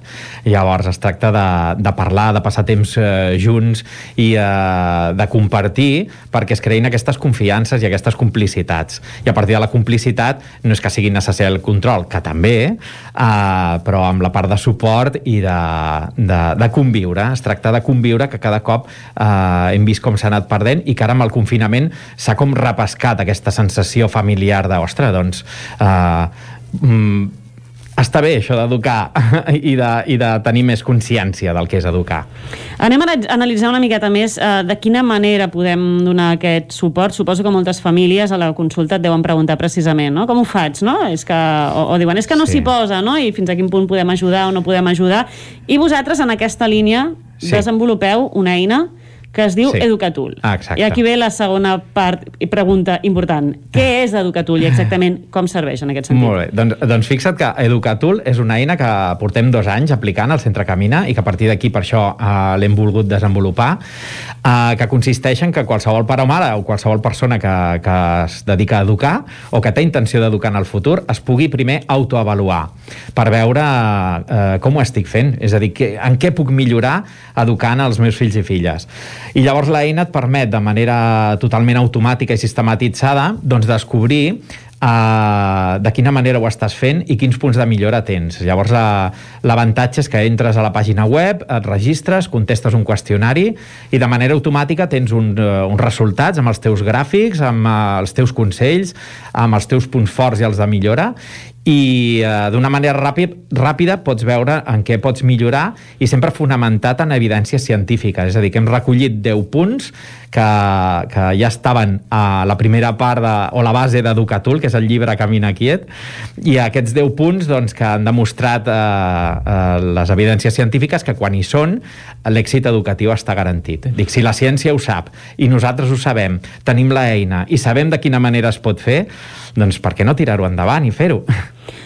Uh, això no, o sigui, d'alguna manera tu ens has dit que et fa una avaluació, però entenc que, que una aplicació que responent unes preguntes o, o entenc, no?, fent aquest sí. qüestionari et pot donar aquestes dades és perquè té com d'alguna manera molt marcat uh, què és important o quins hàbits són importants i quins no de cara Exacte. a ajudar i em parlaves de 10 punts. Exacte. Et sembla que entrem una mica un per un en quins serien aquests punts, uh, fins a quin punt uh, són determinants, Exacte. i després ens expliques també com funciona l'eina, a veure, a nivell d'evolució. De, Comencem, va? Fem Perfecte. una mica de revisada d'aquests 10 punts. D'acord, sí? d'acord. Jo tinc una xuleta. Vinga. No sé si servirà molt, però si, per si et perds, que te'ls deu saber de memòria... una mica, una va, mica. Et vaig dient el títol i tu m'expliques de què va val, el tema. D'acord, Primer punt que avalua Educatul seria gestió del temps. Gestió del temps. Aquest es resumeix molt fàcilment. A 25 eh, pessetes per respostes. Vinga, va, som-hi. Anem a aconseguir el, el premi final. Uh, la gestió del temps doncs, és evident. Si no passes temps amb els teus fills o filles, uh, no els estàs educant. Uh, si no estàs amb ells i elles, qui, qui, qui educa? sovint doncs, em trobo en consulta persones que estan treballant tota la setmana, que tampoc es tracta de jutjar, eh? és a dir, tenim unes situacions molt dures també, eh? però com a mínim ser conscients de que si no hi som no estem educant.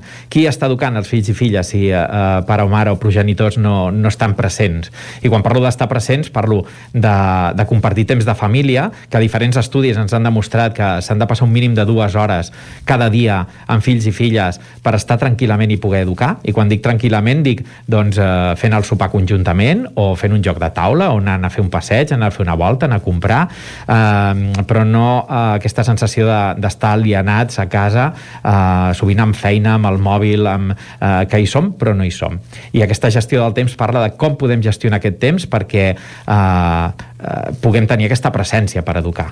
Tu mateix ho deies, que molta gent que t'arriba a la consulta doncs no, té, té manca d'aquest temps o ho tenen realment difícil, no és per fer ara d'advocada del diable, sí, però sí, sí que és sí, veritat que sí, sí, és cert. el dia a dia de les famílies ara, o encara més amb el teletreball, crec que també Sí. Eh, intensificat aquesta sensació de que estàs a casa però no hi ets del Exacte. tot, no? Uh, què es pot fer d'alguna manera? Com Sí. podem rescatar petits espais de temps Clar, si aquesta és la nostra situació? Clar, jo veig que el primer pas, primer ser conscients. Ser conscients que els infants necessiten aquest temps. Jo entenc les realitats que tenim ara mateix i que moltes són molt dures i que no podem fer eh, molt més. Però eh, si ets conscient de que això és molt important, és més fàcil que puguis trobar un espai per poder-ho fer o fer un esforç eh, per poder-te dedicar en aquell temps que, que puguis eh, educar. El primer pas és ser conscients. I després, un cop ja ets conscient, és més fàcil veure quins forats pots trobar o com et pots organitzar. Eh, i eh, que tinguis també la, la tranquil·litat de que també fas, fas tot el que pots perquè també, com he dit al començament no es tracta de jutjar eh, perquè les realitats són les realitats que tenim però a mi m'agrada sempre dir en consulta si el problema té solució, no et preocupis que té solució, i si no té solució, doncs no et preocupis que no té solució Me mare me deia, aquesta Eh que frase sí? és de les Ja- clàssiques ja és de l'àvia, sí, de. Sí, ja, ja s'ha convertit en frase de l'àvia. No, no et preocupis, eh, que la, la pots dir. Vinga, anem amb el segon punt. Acceptació positiva incondicional. molt bé Som-hi. Uh, aquest punt fa referència a l'amor que tu sents cap als teus fills i filles, a valorar els punts forts i els punts de millora veure's com oportunitat. Uh, que els teus fills i filles sentin que quan, quan caiguin tu estaràs allà per, per aixecar-los i que els deixaràs caure, evidentment, que han de tenir la seva pròpia experiència. Però fa referència a valorar els fills i filles eh, des d'una part amorosa, respectuosa, eh, canviar la mirada i veure que eh, sovint quan eh, s'equivoquen no és que ens vulguin fer la punyeta, sinó que estan experimentant i que estan descobrint i que estan aprenent. I eh, intentar tenir aquesta mirada de respecte, d'amor i de, de que incondicionalment els estimarem i els recolzarem amb el que necessitin. Que això a vegades encara ens costa, eh? De, mm. sobretot amb el tema d'escola i tal, si les coses no van bé, ens costa Sí. d'alguna manera donar aquest recolzament i ens deixem emportar per, per Sí. un enfado, segons la situació, alguna cosa. Sí. Suposo que és difícil de gestionar aquest... Sí, i la, la pressió que tenim també, ja veurem eh, relacionat amb el desè punt, que també és important, que és el com estic jo, que mm. eh, quan eh, nosaltres com a adults estem angoixats, estem amb, eh, que ens deixem portar per la vida que tenim tan pressionada de fer, fer, tenir, tenir, tenir, eh, perds una mica la perspectiva. Si tu estàs bé, tranquil·la, sense molt estrès, que ho pots gestionar, és més fàcil que aparegui aquesta acceptació positiva incondicional. En canvi, si estem estressats, angoixats, doncs eh, eh, les emocions ens, ens, eh, ens envaeixen i és més fàcil que eh, les dificultats dels fills els veiem com un problema, que ens angoixin i això dificulti la seva resolució. Anem amb el tercer punt, seria estils educatius. Estils educatius, n'hi han quatre només. La psicologia els ha estudiat des de fa molts anys i dels quatre estils educatius que hi ha, que és l'autoritari, amb autoritat o democràtic, indulgent o negligent, eh, ens ha demostrat que l'estil que hem de tenir és amb autoritat, que oferim suport i control als fills i filles de manera adequada.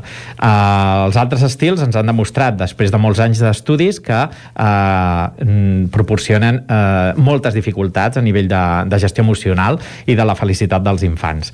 Llavors, eh, el que potencia Educatul és que descobreixis quin és el teu estil, en primer lloc, i després doncs, que puguis anar orientant-te i treballant amb recursos molt clars i del dia a dia perquè puguis anar cap a l'estil amb autoritat o democràtic. Escolta, això dels quatre estils m'ha deixat... Mm... Ho he dit molt ràpid. O sigui, necessitem un altre racó de pensar racó de només per pensar. parlar d'aquests quatre estils que jo no Sí. sabia ni que existien. Perquè cadascú té la seva, Dos la seva anys i mig de cosa. racó de pensar i encara no sabíem que hi havia quatre estils educatius. Has de venir més, Àlex. Ens has d'anar informant. Comunicació no violenta. Comunicació no violenta. Uh, uh, la majoria de problemes de la humanitat, ja ho sabem, uh, radiquen en la comunicació. Tu com a comunicadora segur que ho saps molt bé. Uh, la comunicació entre les persones doncs, és important que, que sigui clara, fluida i sobretot no violenta. Uh, això està fonamentat amb el que són processos de mediació uh, i uh, gestió de la convivència i aquesta comunicació no violenta està fonamentada en quatre passes molt senzilles, que no entrarem aquí, però podríem fer un altre programa també de comunicació no violenta i es tracta també que les famílies puguin descobrir quin és el seu estil de comunicació a casa, si és un estil que respecta, que és empàtic, que et pots posar en el lloc de l'altre, que les postures es poden entendre i es poden arribar a acords, i si no és aquest punt, doncs també eines clares per poder gestionar els conflictes amb els infants, eh, per poder-los comunicar d'una manera positiva i, i eficaç. Vaig veient que Educatul, no només per aquest tema de l'èxit educatiu, sinó que és que pel dia a dia necessitaríem passar Sí. per un petit anàlisi, ni que sigui, uh, i, i ja que agafem l'aplicació, que no sigui per jugar al Tetris, sinó Sí, per esbrinar una exacte. mica més. Si és que el Tetris ja no es juga, no? Estic, ara se m'ha vist una mica antiquada. Bueno, jo he vist el, el, algun adolescent, he vist que ho té Que encara instal·lat a la barra d'eines i, i de tant en quant el fan servir. Som-hi amb el punt número 5. Estil de resolució de conflictes.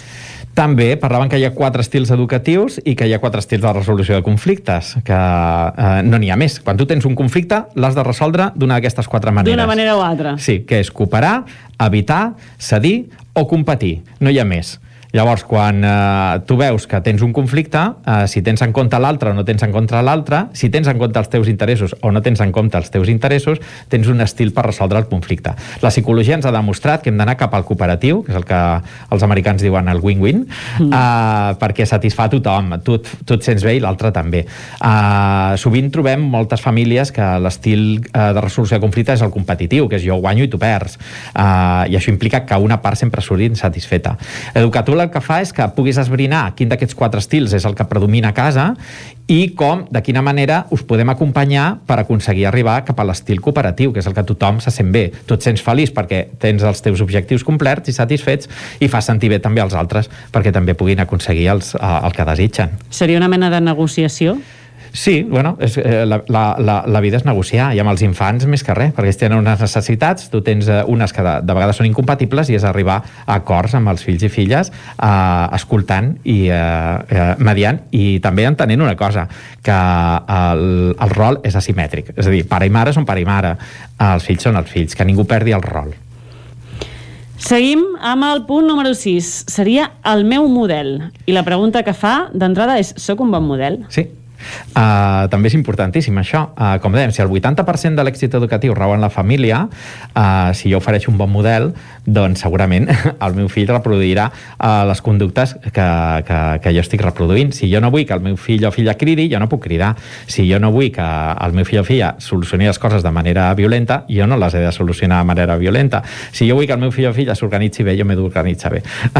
és el model que nosaltres oferim. Recordo, sense jutjar, es tracta de millorar i educar. Tu el que permet és no només millorar la manera d'educar, sinó millorar a nivell eh, sistèmic, tota la família, perquè cadascú eh, ha d'intentar eh, millorar la seva part perquè els altres també puguin millorar la seva. I aquest és el model que oferim. Eh, no facis mai allò que el teu fill o filla no vols que faci. D'alguna manera entenc que el que es fa és reflexionar des d'aquesta part de l'aplicació, diguéssim, en què estic fent jo, que l'altre reprodueix i que per contra no em sembla correcte que faci. No? Ah, exacte. És quasi un anàlisi més de psicologia individual. eh, Individual, això? exacte. Sí. Número 7. El seu desenvolupament. Uh, aquest fa referència a conèixer el moment del desenvolupament en el que està el nostre fill o filla. Uh, uh, si un infant de 9 mesos està a la trona i està uh, amb el menjar i l'agafa i el llença a terra, uh, no ens hem d'enfadar, uh, perquè hem de saber que un infant de 9 mesos el que li toca és llançar les coses a terra per calcular les distàncies, per, per uh, conèixer el món que està descobrint. Uh, I entendre el moment en el desenvolupament en el que estan ens uh, ajudarà a atendre el que necessiten. Un adolescent ha de ser impulsiu. Uh, llavors, Llavors, hem de veure com el podem acompanyar entenent que això és així, que no ho fa per fer-nos la punyeta, sinó que ho fa perquè el seu desenvolupament neuronal està en aquest punt de, de, del lòbul prefrontal a tope amb aquesta impulsivitat. I El, aquesta impulsivitat, o sigui, és una cosa... eh, mm, és fisiològica. És fisiològica. Exacte, sí, sí. Llavors és El entendre-ho. meu fill t'agrairà que m'expliquis això. La meva filla també, quan ho explico, també, també, també. Uh, I es tracta d'això, és entendre que en el moment en el que estan, perquè aquesta comprensió ens ajudarà a educar de la manera que necessiten. I educar tu el que fem és això, és veure en quin moment del desenvolupament està el, el teu fill o filla i uh, donem les eines perquè puguis entendre com està, perquè puguis adequar la teva manera de- d'educar a les necessitats que en aquell moment té. No és el mateix una, un infant de, de, de 6 anys que un noi o noia ja de 14-15.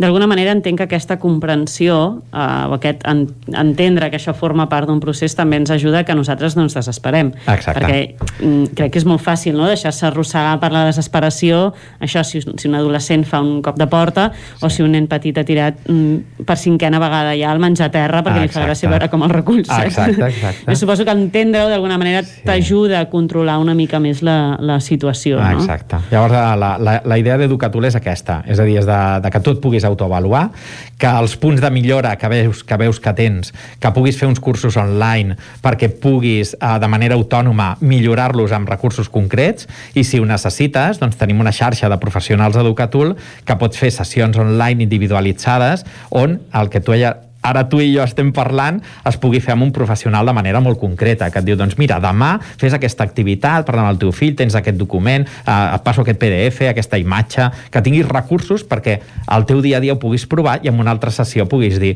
doncs eh, això em va anar bé, això no em va acabar de funcionar, com ho puc fer, que tinguis totes aquestes opcions eh, online i de manera totalment automatitzada. i acabar reajustant, entenc, en funció de, de com ha anat cada, cada Exacte. pas. Uh, anem amb el punt número 8, seria el seu moment. I la pregunta és, conec la seva realitat del dia a dia? Coneixes el nom dels amics i amigues? Coneixes el nom de les coses que la neguiteixen? Coneixes l'últim llibre que s'ha llegit? O si ha llegit algun llibre? Coneixes la sèrie de Netflix que li agrada? Uh, coneixes uh, la seva realitat? És a dir, si no tenim el temps, si no tenim l'estil educatiu, si no ens comuniquem de manera no violenta, és molt difícil que puguem conèixer la seva realitat. Però també a la inversa, Educatul també permet que els fills i filles, quan són majors de 14 anys, també contestin el qüestionari i puguis veure la seva percepció. De manera que pots veure com et veu, quin estil educatiu veu el teu fill o filla de tu. I també eh, veure si coneix la teva realitat. És a dir, si fem les mateixes preguntes al fill o filla. Què ens diria? Ens, em sabria dir el nom de tres companys de feina teus? Em sabria dir uh, el nom de, de dos amics teus? Em sabria dir el que et neguiteja? Perquè això també és important, que, que coneguin també els nostres neguits eh, uh, ens fa també que estiguem més propers. I aquest fa referència a això. Entenc que és un punt, a més, com molt adreçat més a l'adolescència, perquè sí que quan són més petits acabes sapiguent tota aquesta informació perquè d'alguna manera has Sí. d'acompanyar-los moltes més hores. A Sí. partir dels 12-13 anys que comença d'alguna manera a, anar a fer la seva una mica, és quan et pots perdre molta d'aquesta informació. Sí, sí, però no et pensis, eh? perquè abans també, eh, sobretot en consulta m'ho trobo molt. Escolta, el meu fill quan surt del col·le li pregunto com ha anat i sempre em diu bé. I és que no fem les preguntes adequades, no? Li has de, has de connectar amb les emocions, li has de dir, ah, avui has descobert una cosa que t'ha fet sentir bé, ah, has, has plorat, has vist plorar algú, Ah, alguna cosa t'ha fet t'enrabiar, ah, amb qui has jugat al pati? És a dir, hem de fer preguntes molt concretes eh, i això és el que treballem també a Educatul, per, perquè aquest punt sigui real, amb els infants més petits també eh, desconeixem moltes més coses de les que podríem descobrir. Jo M'he sentit tan identificada amb això de la pregunta d'ha anat del col·le? Sí, ja està, vale, Sí. adéu. doncs preguntem més concretament. Seguim, anem amb el punt número 9, gestió emocional. Uh, parla d'emocions, sobretot. Uh, la nostra societat uh, cada cop més està parlant d'emocions, però venim d'un temps uh, que les emocions no existeixen. I parlar d'emocions amb els fills i filles és superimportant. Hi ha una activitat que recomanem a Educatul sempre, que és uh, la roda de les emocions, que és un cop per setmana, o, o dos cops per setmana, seure amb els teus fills i filles i uh, tots a taula parlar de com ens hem sentit, descobrir una emoció que ens ha fet sentir bé, un, una, una, un, un, un esdeveniment que ens ha fet sentir molt malament, i que puguem puguem parlar posar nom a les emocions, perquè si no posem nom a l'emoció no la podem gestionar. I parlar d'emocions és molt necessari. I en la gestió emocional en aquest punt és descobrir si parleu d'emocions a casa, si parlem a casa de manera efectiva d'emocions i de quina manera, com aquesta activitat de la roda de les emocions, podem eh, participar en descobrir aquestes emocions. És com, les emocions és com, eh, és com, a, com, a, com a, quan tens mal al cos i vas al metge i dius que vull que em diguis què em passa, no? Les emocions és el mateix. Jo em sento d'una manera i fins que no dic, doncs estic enrabiat, no identifico l'emoció i si no li poso nom no la puc gestionar. En el moment que dic estic enrabiat, val, ja sé què em passa i ja sé eh, eh, que això em permeti com poder-ho gestionar. I partim d'aquí, fa unes tres setmanes vam entrevistar la Maria Rovira de Cultura Emocional Pública sí. i justament parlàvem de la dificultat que tenim eh, molts, mm, molts pares i mares Uh, per, per, perquè ens han educat d'una altra manera, eh, sí, per un tema exacte. social i cultural, d'identificar les pròpies emocions, cosa que exacte. encara dificulta més ajudar els fills a que ho facin amb les seves. No? El model, el modelatge. El modelatge. I som-hi amb l'últim que ens queda un minutet. Com estic jo? Punt número 10. Aquest és superimportant, és el bàsic. Si pares i mares no estem bé, no podem educar bé. I aquest fa referència doncs, a, a que les famílies puguin, pare i mare, puguis analitzar uh, el teu entorn uh, a la vida per veure els teus hobbies, aficions, amistats, amistats, la feina, gestió econòmica, el lloc on vius, eh, un munt de coses per descobrir quines àrees et preocupen i quines àrees has de treballar per sentir-te bé, perquè només amb adults feliços tindrem infants feliços. Quina frase més maca per acabar, per favor. M'encanten aquests, aquests, aquestes frases finals. Àlex, per tota aquella gent que ens hagi estat escoltant i vulgui provar l'eina, com ho pot fer i què farà l'eina sí. amb tota aquesta informació? Doncs ara mateix és entrar a educatul.com eh, i et pots registrar de manera gratuïta fins al 30 de juny eh, i obtindràs un codi promocional. És a dir, que fins al 30 de juny, codi promocional i eh, de manera gratuïta et podràs avaluar. Només és entrar, registrar-te i tenir el codi. Uh, I què farà l'aplicació amb tota aquesta informació? Doncs et donarà la possibilitat de que puguis descobrir els teus punts uh, forts i els de millora i a partir d'aquí doncs, uh, propostes i si tens interès fer un curs online o una atenció personalitzada d'un dels nostres professionals. Doncs ens arriba aquesta musiqueta final, Àlex, i deixa'm rescatar aquesta frase que ens deies abans de pares feliços, fills feliços. Exacte. I moltíssimes gràcies per haver-nos vingut a explicar sobre aquesta eina, que a més a més està finalista d'uns premis, oi? Sí, dels Premis Spinwalk, estem entre els 8 finalistes i el 17 de juny voteu-nos a veure si aconseguim el premi. Passa'ns la informació, que farem un recordatori perquè tothom pugui votar aquesta eina tan interessant. Perfecte. Uh, Jordi, gràcies, Àlex. Jordi tu. Vicenç, us torno un relleu cap a Vic. Molt moltíssimes gràcies per acompanyar-nos un dijous més al racó de pensar. I ja sabeu, tornarem dijous que ve amb un nou tema i una nova tertúlia Made in racó de pensar. Molt bé, doncs evidentment t'esperem dijous que ve, Maria, aquí de nou al racó de pensar, oi Vicenç? I a veure si els ajudem a guanyar el premi. Aviam, aviam si, si entre tots ho aconseguim. Sí, senyor. Ara per això arriba el moment de dir-nos adeu. Dir-nos adeu i acomiadar un programa que avui hem fet. Clàudia Dinarès, Isaac Muntades, David Auladell, Caral Campàs, Pepa Costa, Natàlia Peix, Guillem Freixa, Núria Lázaro, Jordi Soler, Maria López, Jordi Sunyer i Vicenç Vigues. Nosaltres tornarem demà divendres, com sempre, fent-vos companyia des de les 9 del matí i fins a les 12 del migdia. Adeu. Que vagi molt bé. Siau.